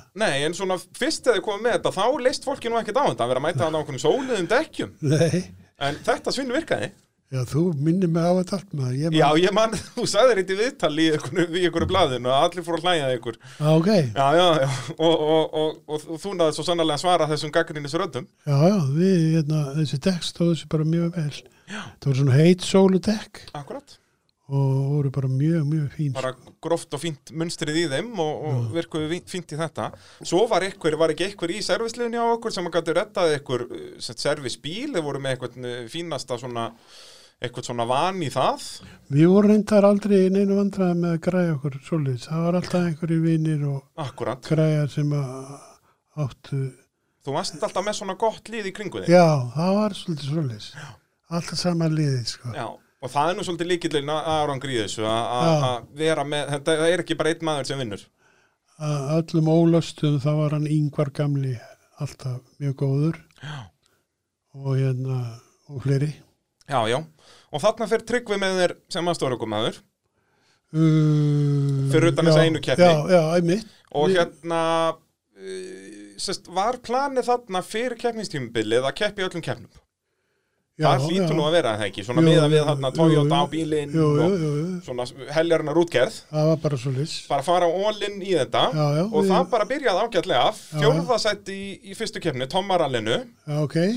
og svo annarsættið í Eikagrill-rallinu og Ok. það er fyrsta keppni sem gildir til Íslandsmeistar Íslandsfyrsta. þarna var alltaf, og þetta var vinsalt í þessi ár þarna, að það var sérst, haldið svona voral Já, já. sem var alveg heilkeppni, þetta var ekki sprettarall eða eitthvað svoleiðis, bara heilkeppni, en Já. gildi ekki til Íslandsmeistara Já, og já. samt keftu eiginlega alveg allir í þessum keppnum, þú veist Mm. Þetta er eitthvað sem ég held að myndi ekki gangi í dag, hvað ef að þetta myndi ekki gilda til Íslandsmeistara myndi enginn enn að mæta. Þú ert eiginlega bara að segja mér fréttir, ég myndi þetta ekki. Nei, það, er- það er svolítið, sko, Já. hérna, og þetta háðið er svolítið árið eftir út af því að þá í rauninni vinnur þú þessa keppni sem gildir ekki til Íslandsmeistara. Já, var það? Já. En það skiptur svona mingum álut og vannstegil allar hérna keppna líka, þannig að, Já, já, en hérna 83 og þá hérna já, annars endum við eftir Ómar og Jóni eh, 83, í já, Eikagrill-rallinu, þannig ok. náttúrulega Ómar og Jón komnir á hvítarunóin, al, Já. alvöru keppnisrunóin já, og, og orðnir, já, orði, orði erfitt að eiga við þá já, já. og svo kemur Hotel Borgarnesrallið Mhm. og þá er það fyrsta setið en þá er það Hjölur Hilmarsson sem var með þér Mhm. ekki Tryggvi, hann var eitthvað upptekinn í vinnu eins og vorum að tala um hérna áðan Mm-hmm. og, og þá ertu nú komin bara í mjög góða stöðu í Íslandsmótinu búin að Já. vera þannig fyrsta og öðru sæti og, og allt í, í blómanum svo er það annað sætið á eftir Ómari í Húsavíkurallinu Ok, þannig að þú heldur ennþá fórustun í Íslandsmótinu og svo ertu svona gulltryggjur er eiginlega titilin í ljómarallin út að þá ertu í sérst, öðru seti og eftir hafstinni hugsinni Alveg. Ómar Jón detta út já, og þá er svona eh, níu fingur komnir á byggarinn já, já.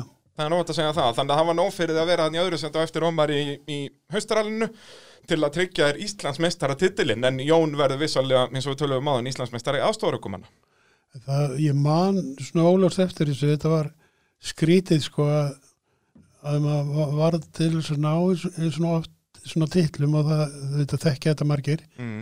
að það, hérna, það sko þarf að reyna að klára Já, það þarf svo lítið, það er að sprengja eitt ekk, það var allt búið þannig að ég bara hérna það er svolítið verið hérna 83 sko þá er, þá er hérna fór ég að kera hægt eitthvað rallið, gott að það var ekki stóra rallið já, já, ljóminn. ljóminn til þess að klára keppnina sko Já, gott ef það er ekki hann þá bara eftir að Ómar Jón eru dottnir út já, að þá áttar það á því, heyrðu, nú verðum að bara halda haus.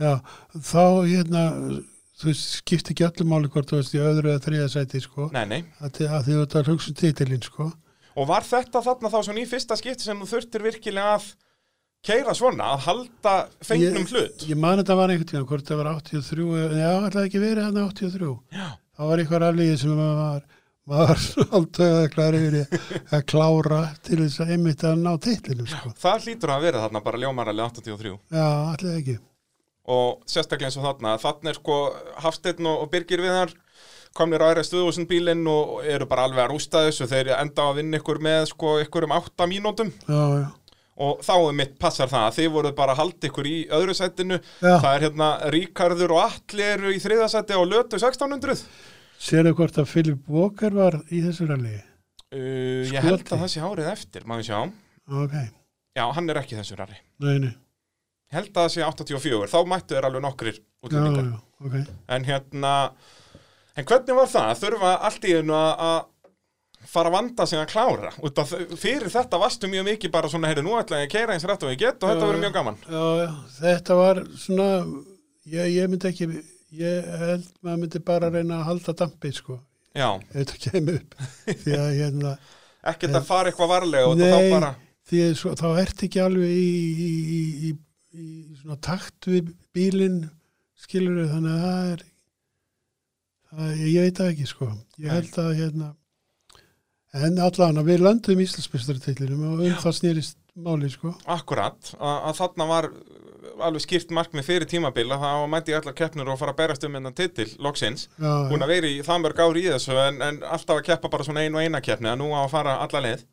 já, við ákvæðum að vera alvöru þarna 83 og 4 og, og það skilaði sér líka svona já, ég er unni fyrir utan eina Danmörkurferða þá hafði þetta verið tveir titlar já, já, það má s- það má segja það ef allt hefði gengið upp ef allt hefði gengið upp, sko og hérna, þannig að þið verðið meistarar hérna 80, og- eða ekki þið, bara þú Það er, Jón tekur meistari, meistara titil að stórukumanna og svo var bara haldið upp í saman plani 84, eða ekki jú, mæta, a- a- en þá er búið að ákveða sér, þá fer Hjörleifur með þér allar keppnir já og var eitthvað sérstök ástæða fyrir því bara leifa honum að prófa og, Nei, hann var bara hafi verið svona yfirmekkin á bílum já, og rosalega klár viðgerða maður og hann bara svona datt inn af því að tryggvi hætti sko akkurat, akkurat og þarna 84 að þá er bara Toyota Corolla orðin vinsalisti bílinn þannig er já. Ómar Jón komin á Corollu og Þorsteinn Já. Inga komin á Corollu og, og fleiri og fleiri Já, já. en það er náttúrulega allt þessi tvingambílar sem urðu síðan vinsalistu bílarnir í, í þessum minni hérna Nordec floknum árin, árin þar á eftir minn bíl var svona forverið þeirra bíla Já, og, og, og hérna þannig að það tók alltaf, það tók þá smá tíma Ómar Jón að- að vennast nýju kórólinni og, og Já, hérna, en þarna voru samt ennþá, ég meina Byggi Braga og Eiki voru þarna á eskortinum sem eru hann vel yfir 200 hestöfl og, og það voru alveg mikið af, af allmeiri bílum hann og gott ef að talbótarnir báðir eru ekki komnir þarna já, já, Þannig að að fullt af flottum bílum og þess að kórólur náttúrulega voru ekkert svona allavega aftslega séð vantaði svolítið upp á þar. já, já það er alveg rétt eða sko Þetta er svona millibils ástand sko Já, akkurat, akkurat. Uh, áður en við förum í 84 tímabilið að þá langar mér að spyrja þig um já, stærsta krassið að þú mannst eftir ykkur svoleiðis á ferlinum. Það er að sjálfsögja bóði bílapunktsins því að ef að þú hlustandi góður lendir í ykkur krassi að þá átt að fara upp í bílapunkt grófinni 7 Reykjanesbæ látan uh, Valdemar Jón Sveinsson uh, rally kall gera við bílinn, það eru bílamálun, réttingar, framrúðuskipti og allar almennar bílaviðgerðir sem að þeir gera þarna upp í bílapunkti og uh, sækja og senda bíla á höfuborgarsvæðið og á Suðunessjum sem er lent hafa í tryggingatjóni og bílapunkturinn vinnur að sannsöðu fyrir öll tryggingafélög. Uh, Haldur, hvað er svona, já, stærsta krassið? Þú varst nú ekkert mikið í einhverjum svona rosa stórum krossum. ég bara man ekki eftir að velnum að þeirra ekki tóku ringina á Já, eskortinu nákvæmlega, þetta er ekki, og og eins með einhverja svona útæðvækstar, þú varst ekkert mikið að vinna með þetta. nei, ég held að það sé rétt hjá þér Að það er bara, ég var of hérna hrættur til þess Já, bara þetta er alltaf mikið vesen Þetta er að vera að alltof gera mikið eitthvað út af í Já. staðin fyrir að vera bara á veginum Já, akkurat, sko. Nei, ég, hérna, hjekk yfir þetta á veginu, sko. sem er magnað meða við hvað þú varst hraður sko, venjulega er það nú þannig að, að þeir hröðustu eru duglegastir við að fara út af Já, já, en þú, þér tókst bara að finna eitthvað svona gullna ballans á þessu að vera bara alltaf í þarna svona 95 til 99% -unum, en aldrei að fara yfir 100% nei, ég, ég, ég þú er ekki að segja alveg um það, en ég man að ég var stundur svolítið hrættur við að fara hratt á blindhæðir, sko. Já, Því að menn kannski mísjöfnir, sumi fóru alveg í botni, sko, ég bara gat það ekki. já, svo leis Ég fór alltaf aðeins út í hægri kantinn, sko, þó að vera í laus mögulega eitthvað. Því að, hérna, þetta var ná ekki alveg 100% sko, passunum á vegunum og svona. Já, þú gæti alltaf komið bíl bara á Já, móti og mér leiði ekki vel með þetta sko. Var það að gerast reglulega? að- Nei, nei, Nei, svo en það gerðist sko, Já, já. þá bara á einhverjum hægari leiðum sko, og- bara glimtist að loka ykkur um afleggjara og eitthvað Já, og eitthvað komst eitthvað, inn sko, ég var alltaf svolítið ræður við þetta sko. Hvernig er með, við töluðum aðeins um þetta í náðan, með leiðanótur, sérst verk aðstofljókumessins, Mm. varst þú þarna, var eins og þarna, 84, var Hjörlefur Hilmarsson að fullu að lesa í þig bara hérna, blind beint, vinstri tveir, bla bla bla bla, Það var eiginlega að byrja þarna með hjölla, ekki með tryggva sko, ekki með tríu, ef ég þetta var er svona að byrja þarna Já, það, hjá þér, hjölli var svolítið fyrir þetta, en það er náttúrulega mikill svona pró, svona keppnismæður, hann er það, og, og, og, en, en hérna við svo tókum út svona hættulega beigur, manni, byrjaði á því. tókuð þið út, eða sko við, hann, hann sko hvað kallaði þetta leiðabókinni eða nei hann já, leiðanótur, leiðanótur já, að sko ég man að mertu þessa já, hún er svolítið hættuleg já, að setja Þú inn veist- svona einhverja varúð já, og, svo að næsta já, það þarf ekki að taka hana þú veist. það var svona að byrja þarna sko já, en þið sérst að fóruð þá alltaf fyrir keppnur og skrifuðu niður ykkar leiðanótur. þetta var einmitt það var svolítið að byrja akkurat þarna sko. Já, akkurat, Að það er svona hjörleifur sem kemur með þetta og þú veist, fannstu mikið mun á þessu Eða var þetta ekkert að hjálpa þér eitthvað það mikið eða? uh, jú, maður þarf samt að vennjast þessu sko Ég ekki trúa því nefnilega það er bara þannig Þetta maður- er alveg, í rauninni allt öðruvísi að vera að Já. keira eftir minni og að vera að hlusta bara á okkur mann já, já og, og, og byggja upp tröstið sko Sérstaklega eins og með þetta, byggja upp tröst þegar að þú hefur verið að treysta sjálfæði hérna í, í að verða tíu ár í rally Svo og þurfa að held ég að Hjörli, hann var svo mikið keppnismæður, sko, að ég, hérna, þurfti svona, að ég gæti ekki tekið þetta allt inn í einu, sko, maður þurfti svona, eh, þurfti að slípa þetta eitthvað, Já. sko, það var bara þannig. Já, og þið náttúrulega mjög ólíkir með þetta einmitt að Hjörleifur er hérna alveg 100% keppnismæðurinn og, og Já. meðan að þú ert meira svona bara Já, já, já, skemmtum okkur já, eða, þarna var kannski tekið al, mjög alvarlega. Já. Áttugasta. allavega svona þegar hjálmurinn er komin á hausinn Já, já, já, já. það var, var svo sko, Já, en hérna, Hjörli var náttúrulega bara snillingur. já, Og er. já, og er og, og hann náttúrulega, ég þarf nú að fá hann í spjall hérna, hann kefti nú bara jafnlengi og þú hann hættir að keppa bara hvað, 2001 2, eitthvað svo leiðis hann náttúrulega var hann á smíðað hennan Mitsubishi sem er nú bara ennþá að keppa í rally í dag, svona Ok. okay. Lancer Evo Ég bara Þannig þekki þetta ekki í dag, sko. Nei, þú náttúrulega hættir þarna hvað, 96, 7 eitthvað svo Já, leiðis Eitthvað svo leiðis. og þá bara svolítið svona kúplærið út úr þessu svona enda búin að vera þá í þessu í hvað að vera 30 árið eða eitthvað 20 og eitthvað. 22 þannig að já, þú ert ekki mikið inn í þessu dag Nei, því nú er. Ég bara hef verið að gera eitthvað annað. já uh, 84, þetta byrjar á outdoor rally og þar er það bara fyrsta sætið en þá eins og ég talaði um áðan að þetta outdoor rally það gilt ekki til Íslandsmeistara Já, Já. var það ekki? Nei. Já, Þarna þið vinnið það en, en ég menn mér að þetta er eina fáum keppni sem held ég Ómar og Jón mætti ekki, ég held að Kórólinn hafi ekki verið tilbúin eða eitthvað svoleiðis og þeir Já. mætti ekki og, og þá náttúrulega skipti ekki málu þetta gildi til- ekki til meistara. Ég held þeir að mætti í allar keppnir á Íslandi. Ég held það kannski, ég, það gæti verið að ég sé að bulla en, já, en, ég, ég, en það ekki já, jú, þeir hljóta hafa það er mætt hljóta að vera með. uh, Svo kemur Jójó-rallið sest AIFS-rallið, Reykjanes-rallið og Já. þar náið þið bara öðru seti og eftir bygga Braga og Eika á, á eskortinum Já, og þá eru þeir náttúrulega komið fórist í Íslandsmóndinu þetta var fyrsta keppnin í, í Íslandsmóndinu já, já. eh, svo kemur Dalarallið og þá mættu Byggi Braga og Eiki svo illa upplæði, þá voru þau nýkomni tilbaka frá Skotlandi Ok, að keppa þar og þið vinnið, eh, þú vinnur það þú og, og, og Hjörlefur hjálfur. og vinnir svo aftur húsavíkuralli og þá eru þið komin bara í frábæra stöðu þá eru þið með 55 stig í Íslandsmótinu gegn 38 hjá, hjá Bygga sem var hann í öðru sendi og Ómar var hann aðeins og eftir þeir voru búin að vera í pínu vesenni með koróluna, brjótandi öxla og, já, já. og svona einhverju batnarsjúkdómar hjá þeim og, og þetta húsavíkurall sem þeir endi í fyrsta seti þetta var mjög gróf keppni manni hérna, og svona erfið sko, ég er hérna með eh, viðtalsbút við þig í- úr bladagrein og þá segir hérna, ég hef aldrei áður fengið hlaupasting á sellið, þetta var einn erfiðasta keppni sem ég hef tekið þátt í, já, góðan dag var það svoleiðis var, þetta, var, var hún þá svona löng eða, eða voru þetta langar sérleiðir ég, ég man nú ekki eftir nei, hvað, haf- ef þú manst ekki eftir hlaupastingnum Nei, jú, ég, ég, maður var, st- tók vel á því, sko. En hérna, ég man ekki eftir þessu svari samt, það er mjög kvimt gott, sko, ég já, það, fánaði með það. er það ekki Jú, en hérna, sko, Reykjavíðin sem er hérna næst bænum, Já. þetta var, hún hún var svo frekar gróf, sko, og frekar löng leið. Maður þurfti að, þetta er svona inn á milli barða eins og Eiki var að tala með hann, sko. akkurat, og það tók svolítið á sko, maður svitnaði vel sko Já. þannig að þetta sé nú það sem var, en unnu við hann 84, húsæk já Þið Já. þarna bara, sem sagt, fyrstu fjórar keppnirnar, það er bara fyrsta, annað, fyrsta, fyrsta. Nú, ok, Þannig að þið eru komið þarna með, já, 55 stig í Íslandsmótinu eftir þessar eh, fyrstu fjóra keppnir, eða fyrstu þrjá réttar að satt, þetta átárallið gilt ekki til stiga. já, já, Svo kemur ljómarallið og eh, þar klárið ekki, þar brotnar hjá okkur kúplingsöksull já, alveg rétt á hvað var það? Var það ekki bara s- á öðrum degi? Eða var það þriði? ég man hvar það var, það var upp á var þetta ekki upp á kýleiks þar Þá er þetta sennilega á öðrum degi. og hérna og hérna, eða hvort þetta var inn á fjallabakk það var Eitthvað- eitthvað alltaf svoleiðis. langt frá bænum Já.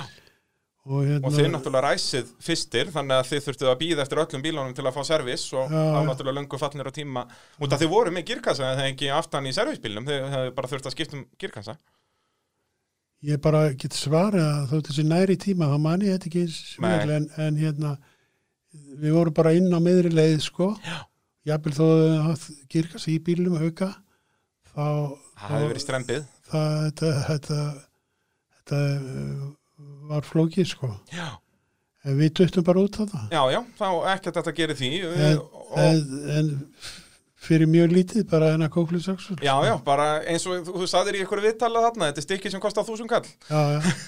Eða hvað, já, já, þetta er alveg rétt já, Þannig að það er hérna, þetta var ekki stóra tjónið en nót til, að- nóg til að stoppa ykkur þarna en þrátt fyrir það, þá eru þið út að sérst, þannig byggi Braga ekki lengur að keppa með Eika ok, þannig að byggja enda þarna bara í einhverju áttundasendi hann kefti, eða kannski kláraði hann ekki einu sinni já, okay. ok hann er ekki á, á keppniseskortinum lengur uh uh, Ómar og Jón vinna alveg öruglega Já. og þá er staðan samt þannig að þú ert með 55 stig já. og Ómar 48 þannig að þú ert ennþá þarna með Já. 7 stig að fórustu fyrir haustralið Já, og bara annar titillin á tveimur árum uh, já, komin með svona allavega fimm fingur á hann, myndum að segja það, þeir hafði nægt sko að enda í hvað, þriðja sæti og ef Ómar myndi vinna, eitthvað svo leiðis ég held að stegagefin hann hafi verið 20, 15, 12 svo, eh, mér minna að vera í sjöndasæti eða ómaröðin en Já, það getur er líka ekki passað. víst, það er ekki víst ég minna rétt nei, en, en svo náttúrulega bara koma fréttir í blaði að- að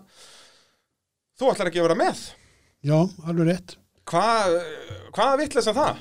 já, það var nú meiri vitlisann Þarna hvað, er, er, er ekki konaðin byrjuð í námi í Danmörku? í Danmörku og ég var við vorum bara að koma okkur fyrir úti En hefði ekki mátt vera eina helgi að keppa í, í ralli? jú, jú, ég sko eftir að hyggja það er maður kannski átt að gera það en, en hérna, og bíllinn var allur heill og bara einn kúblisöksul þá var þetta bara að gera en þetta var þetta, þetta hérna bara var svona einhvern veginn Já, það var líka, æ, ég vann hennar tittil í fyrra, það er ekki bara fínt þarf ekki að vinna hann aftur. nei, það er ekkert að vinna náttur Já, það hefði nú ekki verið, það hefði- hefði verið, já, huggulegt hann á að vinna hann hann tvö ári í röð. já, já, Það er bara, það var bara Ómar sem hefði náð þeim árangri. já, já, ég hérna já, ok, þú veist mikið meira um þetta en ég er, sko. Já, það, þetta það með, mætti halda að vera að vinna við þetta. það mætti halda að vera eitthvað að vinna við þetta, það, er, það er svolítið svoleiðis, en þetta er, já, var svolítið pínlegt að- að að sleppa keppnu eins og við varst að tala um áðan að Ómar, já, hann var sennilega svektastur af öllum að þú skildir ekki mæta. Ég sagði það svona í grín og alvöru að það, já, að eitthvað að þeir eru fúlir yfir eða fá ekki bara að berjast til enda. akkurat En hérna, já, einhvern veginn bara, mér fannst bara nóg komið einhvern veginn. Ég Já. var búin að ná þessu titli þarna, var, var fremstur þarna, bíllinn heill skiluru og þetta var svo þægilegt, ég flytti út, já. skila bílnum bara í topplægi eða skilunum, það var... eða sérst 50, sérst Já. Toyota fær hann aftur í Nei, rauninni nei, Nei. Það, var, það var Bara bara, dæmi gert maður, það var bara maður sem kaupir hann og hérna og hérna hann bara borgar og, og ég fæ helming og þeir fengu helming það var mjög snýrtilegt sko já, já, já, og, og þú flyttur Danmörkur en hvað, þú mætt, ert mættur aftur í bara voralið árið eftir Va- va- voruð þið ekkert lengi við í Danmörku? komum hérna heim í því sumari sko árið já, eftir. ok þetta þið voru bara yfir vetramánuðina já, þarna. við vorum hann í tvö ár úti sko ok, komum eitthvað heim Já. er það þá sem ég fer með að eika eitthvað með það er 85 þú keppir bara þetta fyrstu keppni og það brotnar kýrkassi að þeir í henni Já, já. afmælisralli BKR já, þá er hérna, rallið náttúrulega fagna 10 ára afmæli á Íslandi þarna 85 ok, þannig að fyrsta keppnin hétt bara afmælisrall en þá ertu á kórólunni eða ekki fegst hann að lána það eða, eða ég held það og sért, kannski er Hver- þetta ekki sami bíl ég er ekki ég bara mani þetta ekki hvort að Það það er hefur vel selt verið hann að við hefum farið í eina keppni á honum sko. já, er það ekki, og og selt selt hann hann síðan svo. ég held það, Hvað rally var það? þetta er afmælisrall 85, fyrsta keppnin 85 Hvað end, endur við? þau kláraðir ekki, það brotnaði gírkassi Já, já.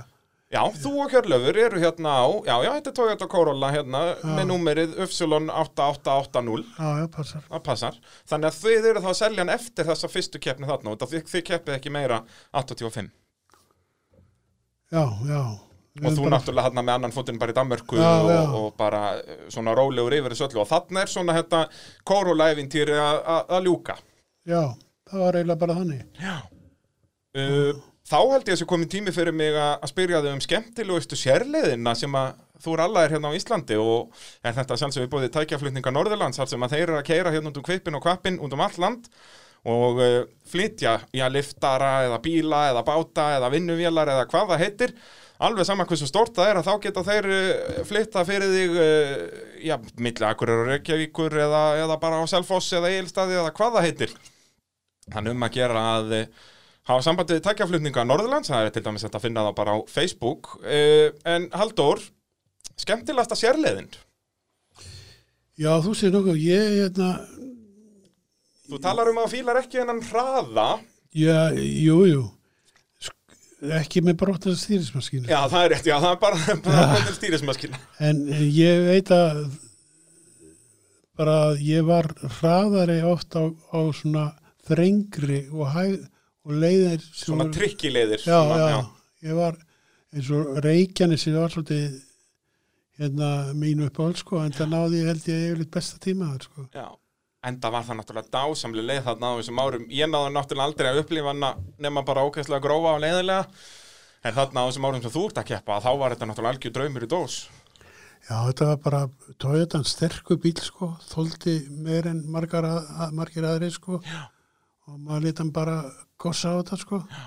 láta hann bara hafa það en svo aftur Ísaskóla leiðin hún var svona hraðari sko Já, en samt svona hæðótt og bumpi Já, já, og svona, já, þannig að já, já. eh, gott að vera sterkum bíl. hinn var mikið meira svona þú varst ekki með eins háan meðraða sko. þú varst kannski bara og það var einhverja fleiri svona leiðir svona eins og Gunnarsöldslegin Já, hún var alltaf svolítið trikki líka þröng með böttunum Já, hérna, eða já, börðunum, sko. já, já. og ef það var ekki bleita sko var bara moldavefi eða svona mölin og moldin þá var þetta að fara ótrúlega hrætt þarna sko Já, náttúrulega mikið grip eins og segir, ef það var þurft, Já, já. að há var þetta eiginlega bara eins og malbygg, ef maður var að góðum dekkjum. það var bara slis Þannig að það, það er nógum að velja allavega, og þú náttúrulega nær þessu gullaldar árum í, í hvað var að segja, sérleiðum í íslensku ralli út að þú nærðar alla allar þessar frægu leiðar sem er allar ónýtar bara í dag eða við fáum ekki leifi fyrir. er það svolítið, er ekki leitt að Nei, Gunnarsholti hefur ekki verið rallað til dæmis bara síðan 2000 og hvað, 5 eða eitthvað? veistu út okkar það er Ég held að það sé leifis eitthvað, ég held að það sé komið svo mikið að einhvernum sumabústuðum, Já. þarna. það er endalaust af afleikjörum sem er vonlaust að, að Já. fá leifið fyrir. við dattaði mitt í hug, það væri það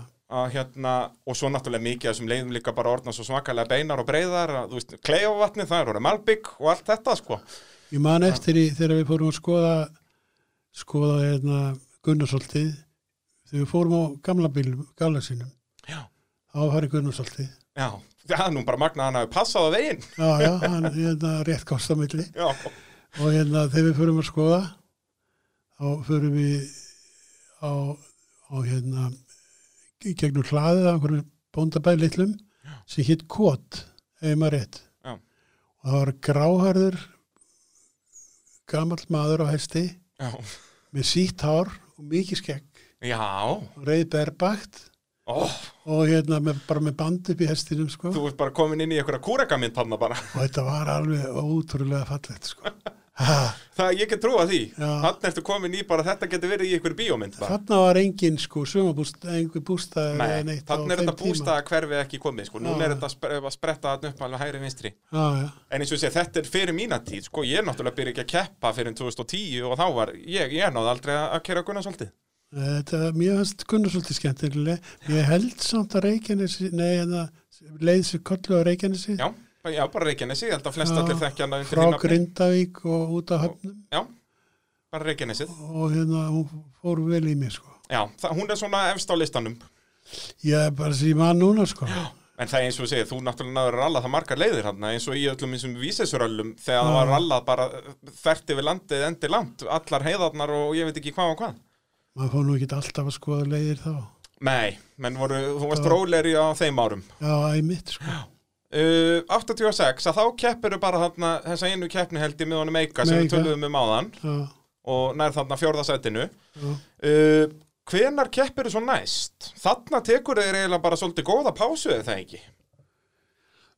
jú, ég maður eh, bara hættur þessu þarna sko. Já, eða það ekki? jú, jú. Varstu ennþá eitthvað að fylgjast með eða kúplaður þið bara alveg út úr þessu?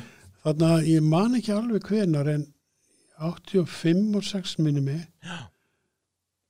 þá, þá sá ég um þessi stóra ralli og kettnis, eða sko Stengrimur Ingarsson var kettnistifri Já, veist þú nokkuð um það hvaða árið það það var? er þá 8, 10 og 5 Já. held ég sem stengrum eru keppnistjóri Já, ég held Er þetta, það ekki árið sem að hérna, allir blaðamenn fari í verkfall?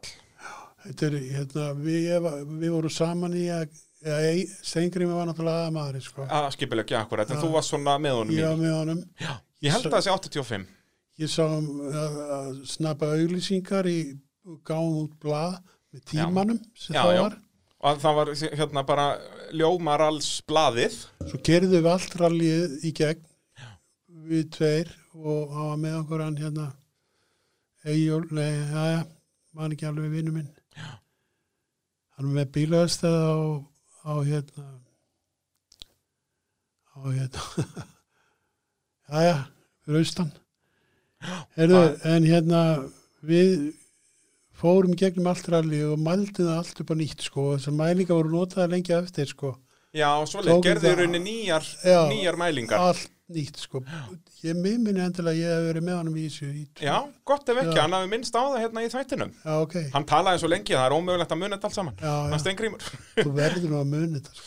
já, ég er með allt niður um mig, sorry með mig nei, nei, ég, en það er hérna 85, já, ég mitt Já. og þá gerði þetta blað og það var sem sagt, eina, það var skemmtilega að sagða hjá steingrímur þetta var eina blaðið sem var gefið út þarna já, út af út þessu af verkefni þetta verkvætt, þetta var Já. gert bara svona í skjóli nættus, þetta mátt Já. ekkert, sko, þetta Já. allar prentsmiðjur og allt, þetta var allt í verkvalli. já ok, En það, ég, þetta var alveg stór fyrirleitt, og ég var búin að gleyma þessu síðan þegar ég fer að leita í, í gögnum um út að ég er að gera svona lista yfir öll úslit í öllum rallykefnum já, og ég finn bara ekkert um rally Reykjavík, eða hérna aður rally og ég skil ekki, þú veist, byrju, var ljómarinlega ekki haldið eða hvað, svo finn ég einhverja blaðagrein og þá fatt að já, það voru ekkert prentuninn blöð þarna í heilan mánuð, eða meirinn mánuð, ég held að þetta var einn og hálfu mánuður. það var bara stór mál líka við, við treyðum þessu sjálfur sko, Já, við já, sjálfur. það er þetta bara- var heil mikið vinni í kringum þetta bara sko. tíu þúsund eintök bara og, og allt gert svona bara bæði að sjálfur græja allar leiðir mæla allt upp á nýtt, gera allar tímaðstöðar klára, eða þú veist og hérna, og svo sjáum blaðið og, og Já. þetta nákvæmlega, og þetta gekk mjög vel þetta samstarf og við hérna, seldum vel af auðlýsingum já er það ekki já, já, og fyrir viki var líka rallið ótrúlega flott já, var ekki jú, jú, jú blessaðan vertu það er allavega svona frá mínu sjónarhóttni ég er náttúrulega fættist 93 þannig ég mani þetta ekki alveg Nei, ekki alveg. En ég, þetta var bara, held ég, vel hefna, sko. Já, þetta var það og, og hérna allavega svona umfjöllun um þetta og allt það það er einmitt 85 sem að hérna skotarnir komið hérna og gerðu sjónvasátt um þetta Já, ok. sem að var síðan talsettur líka af Ómar Ragnars fyrir Íslands sjónvarp Já, já, já. þannig er náttúrulega Ómar hættur hann hættir hann um mitt tímabil eh, er það 84 eða 85 eitthvað svo leiðis Já, út af 85 hálsrík, nei, háls... eða svona hálsbak eitthvað hérna já Ég man að 84, þá voru ykkur í skotar hérna í ralliðinu já að keppa þá að keppa. já já það er rétt Það, þarna það var eitt sem átti svona bíl alveg eins og ég, fyrir Já. vokkar hérna. akkurat hann áttu nú eftir að koma þannig tíu skipti í viðbútt Já, já. Ég, hann bauð mér einu sinni, eða einhver tíman að kom eftir þetta fyrsta, var ekki bara 83 eða 4? 84. Þá bauð hann mér að koma á og keppa með sér úti, sko. nú Já. og hvað sagður nei við því Já, ég nefndi ekki. Bítu, bítu. Og hérna, Já, þetta er Filip Walker, þetta er 84 sem hann keppir Já. hérna. Bilar hjá honum Vaska sem hann klárar ekki. hann kyrði á rætt í á, Alveg rétt og rústaði viftunni Já. og öllu hérna, Já. þetta spaðaðist allt Já. hann. algjör klöðaskapur. Já. Það var búið að segja hann að það var einmitt þetta sem þurfti að passa, sko. Já, og þetta er allir sko sem að þú og, og er það ekki Pítur Gætel, þið eru að berjast allan fyrsta daginn og síðan dettið út bara á svipuðum tíma Jú, það var Hann alveg, er al- alveg rétt, ég hef búin að gleyma honum. Það var Nissan, Nissan 240 RS, Já, alveg rétt. bara eins keppni svo það verður. ég held að ég hef haft betri tíma en hann einmitt á Reykjanesinu. Ég held að það Gott, getur já. passað. Ég held að hann hafi síðan eitthvað náða að svara fyrir sig á sko Ísaskóla. líndalsinni og því þannig Já, fyrsta, já, já. sérst, fyrstu leiðanum næsta degi. En svo dettið báður út. Það bognar hjá honum afturrásing og, og það fer þarna þessi kúpingsöksull. Var hjá- þetta 84? Þetta er 84. Ok. Já, Og, og svo 85 koma er ennþá fleiri. Þá kemur átíinn og, og háar þetta orðið alveg alvöru. já, já. En þeir duttu alltaf allir út þessir útlendingar. Það var alveg sama. Hérna Chris Lord kefti með Birgi Vegar Haldósinni á Andy Quattro. Já, datt út, þeir eru dekkjalausir af öllum hlutum. pældi í því maður. Það koma til Íslands að keppir alveg að vera dekkjalaus, það er tómaruglið. En þessi ár, þú veist, eins og þarna í kringum 90, þú veist, þegar metróin er hérna, þá ert þú ekkert að keppa. Nei, Þú keppir næst bara á þessari, hvað er þetta, Toyota Celica Supra, já, sem á kefti bara í einhver einni keppni og svo er hann Daniel Sigurðarsson sem kaupir hann að þér. já, hvar, hvar hérna, hvað árið það, sérðu það? Nei, ég er ekki með það, Ég sko. held að geti verið 93, sko. Já, sko, Daniel kaupir hann ekki fyrir 98. Ok, það voru kannski verið 90 og eitthvað. Já, en ég meina samt er það sko út að þú ert á hælúksnum eftir Já. að kannski stóð hann bara svona lengi eða þá það var eitthvað á honum í já, millitíðinni. Ah, Nei, hann stóð bara heima, held ég. Það geti verið að, að Danni talaði með um þetta hérna Það- það þegar var hann kom í bara- spjallið mín. Mörguleiti mjög svona gaman að keira þann bíl. Hann er svona áhugaverður. Já, hann hérna, Ég man að það var svona bíl í rallycrossinu líka. Og bara svona flottur, flottur bíl í, í akstra, bara vandamál hann átti í rauninni ekkit heima í sko íslensku rally á þessum tíma. Hann passaði ekki í neitt flokk í rauninni. nei, nei, Út af þarna var bara sett fjörhjólendursbílanir að keppa á topnum og svo var bara þessi Nordec flokkur og raunin ekkert þar á milli. talandi um hérna Philip Walker og Vaskassan sem fór í viftuna. Já, það var hérna þessi selika súpra sem að við vorum, vorum á hann eitt árið eða eitt rallið og við græðum hérna svona plötu undir hann bara hlýðarpennu. já, sem var mjög stór sko og náði langt aftur það var svo skrítið ef fórst hún í á sko það ég hef aldrei kynst þess áður við nokkurn bíl sko því hraðar sem þú fórst því betra Hann bara skoppaði yfir í það rauninni. fór bara eins og bátur einhvern veginn Út af- spýtaði. út af þessu stór panna undir honum. Já. Hann bara svona skoppaði yfir, Já, hann þetta var eins og að skoppaði fleita ekki. kettlingar bara. Já, já, hann skoppaði ekki neitt, hann Svona bara sildi. straujaði yfir, sko. Og við heikuðum ekki við að fara í strætt og við gátum. Yfir á, á þessum. Því ég man aldrei eftir að hafa gert það á nokkrum öðrum bíla fyrir henni síðar, sko. Já, Því það var bara kert að og fyrst í gýra og eitthvað. nákvæmlega. En að einhvern veginn uh, hittum við svona vel á að smíða pönnuna. Hlinur lítur að hafa gert það. Já, getur ekki hann að verið. Mhm. Uh, svo kemur þessi Toyota Hilux. Hvað var, hvað var pælingin þar að mæta í, í þennan jeppaflokk sem er bara svona að byrja þarna? þetta er þarna hvað, svona 95, 6... Já, þetta er sko- Hvað keppir ekki bara í einhverjum nokkrum keppnum á honum? Jú, tveim. Ég, sko, málið það þessi sem Þetta fór er með frá mér á, 97 á súbrunni. Heiti Skúli Karlsson. Já, blessið sér minni kanns hann dáinn og hérna við bara ákveðum einhverju brýjar í að fara á þessum hælug sko. já, bara smíði hann veltibúr Já, Hérna. og og hér og græja gerum og græjum og hérna vorum, það var sábíl sem við fórum að- yfir stapan og fleiðferð og Ah, haukum grjótið undir. sko. Akkurat, akkurat, þannig undir og brutuð alltaf framann, eða Við ekki? brutum, já, byggluðum einhverja spinnur og eitthvað dót sko. Já. Ég held að það hafi bara verið síðasta keppnin. Já, þetta er, ég held að ég þóra að staðfesta að þetta sé 97 frekar en 6. Já, Sest bara þá alþjóral 97. ok, það getur alveg passað.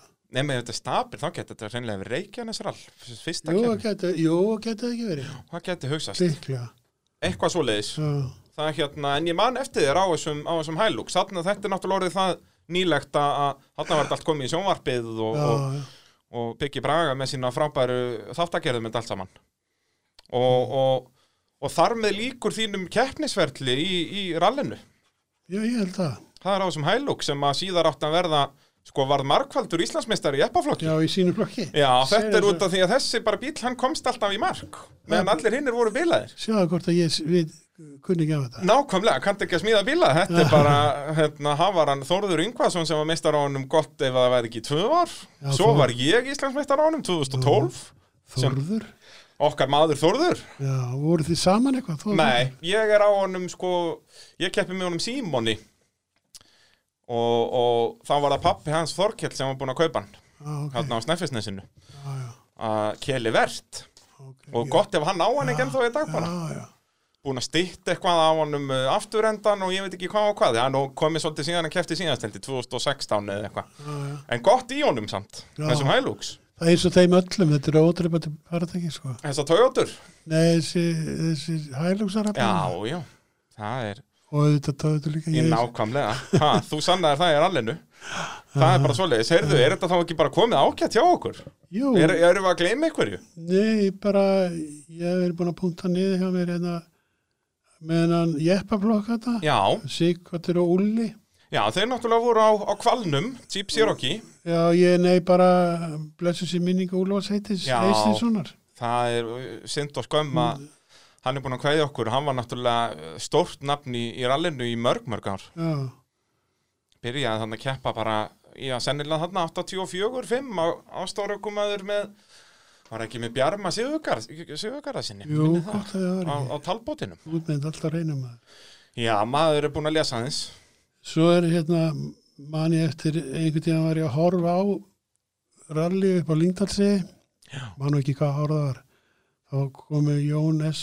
Halldórsson heitin, Já. blessu sér minning hans, á Pors já, og Beggi, Guðbergur, Guðbergur Guðbergsson Guðbergur Guðbergsson og þeir veltu, veltu bílum svolítið sáðalega Jónes, það getur ekki verið og hérna þetta vo- voru svo skemmtilegir gaurar sko Já, og það var um, alltaf líf og fyrir kringum þá alveg sama í hvaða motorsportið þeir voru ég held hann að verið búin að melda honum áður í, í sömu keppni Já, það getur vel verið sko. ha, Porsinum, hann, hann leifði honum alveg að rulla svol- svolítið, sko þetta var rosalega mi- mikið græða sko og þeir voru bara jafn dugleðir í þessu, sko Jónes í rallinu og Guðbergur í torfærinu þeir veltu sennilega svipa mikið bara já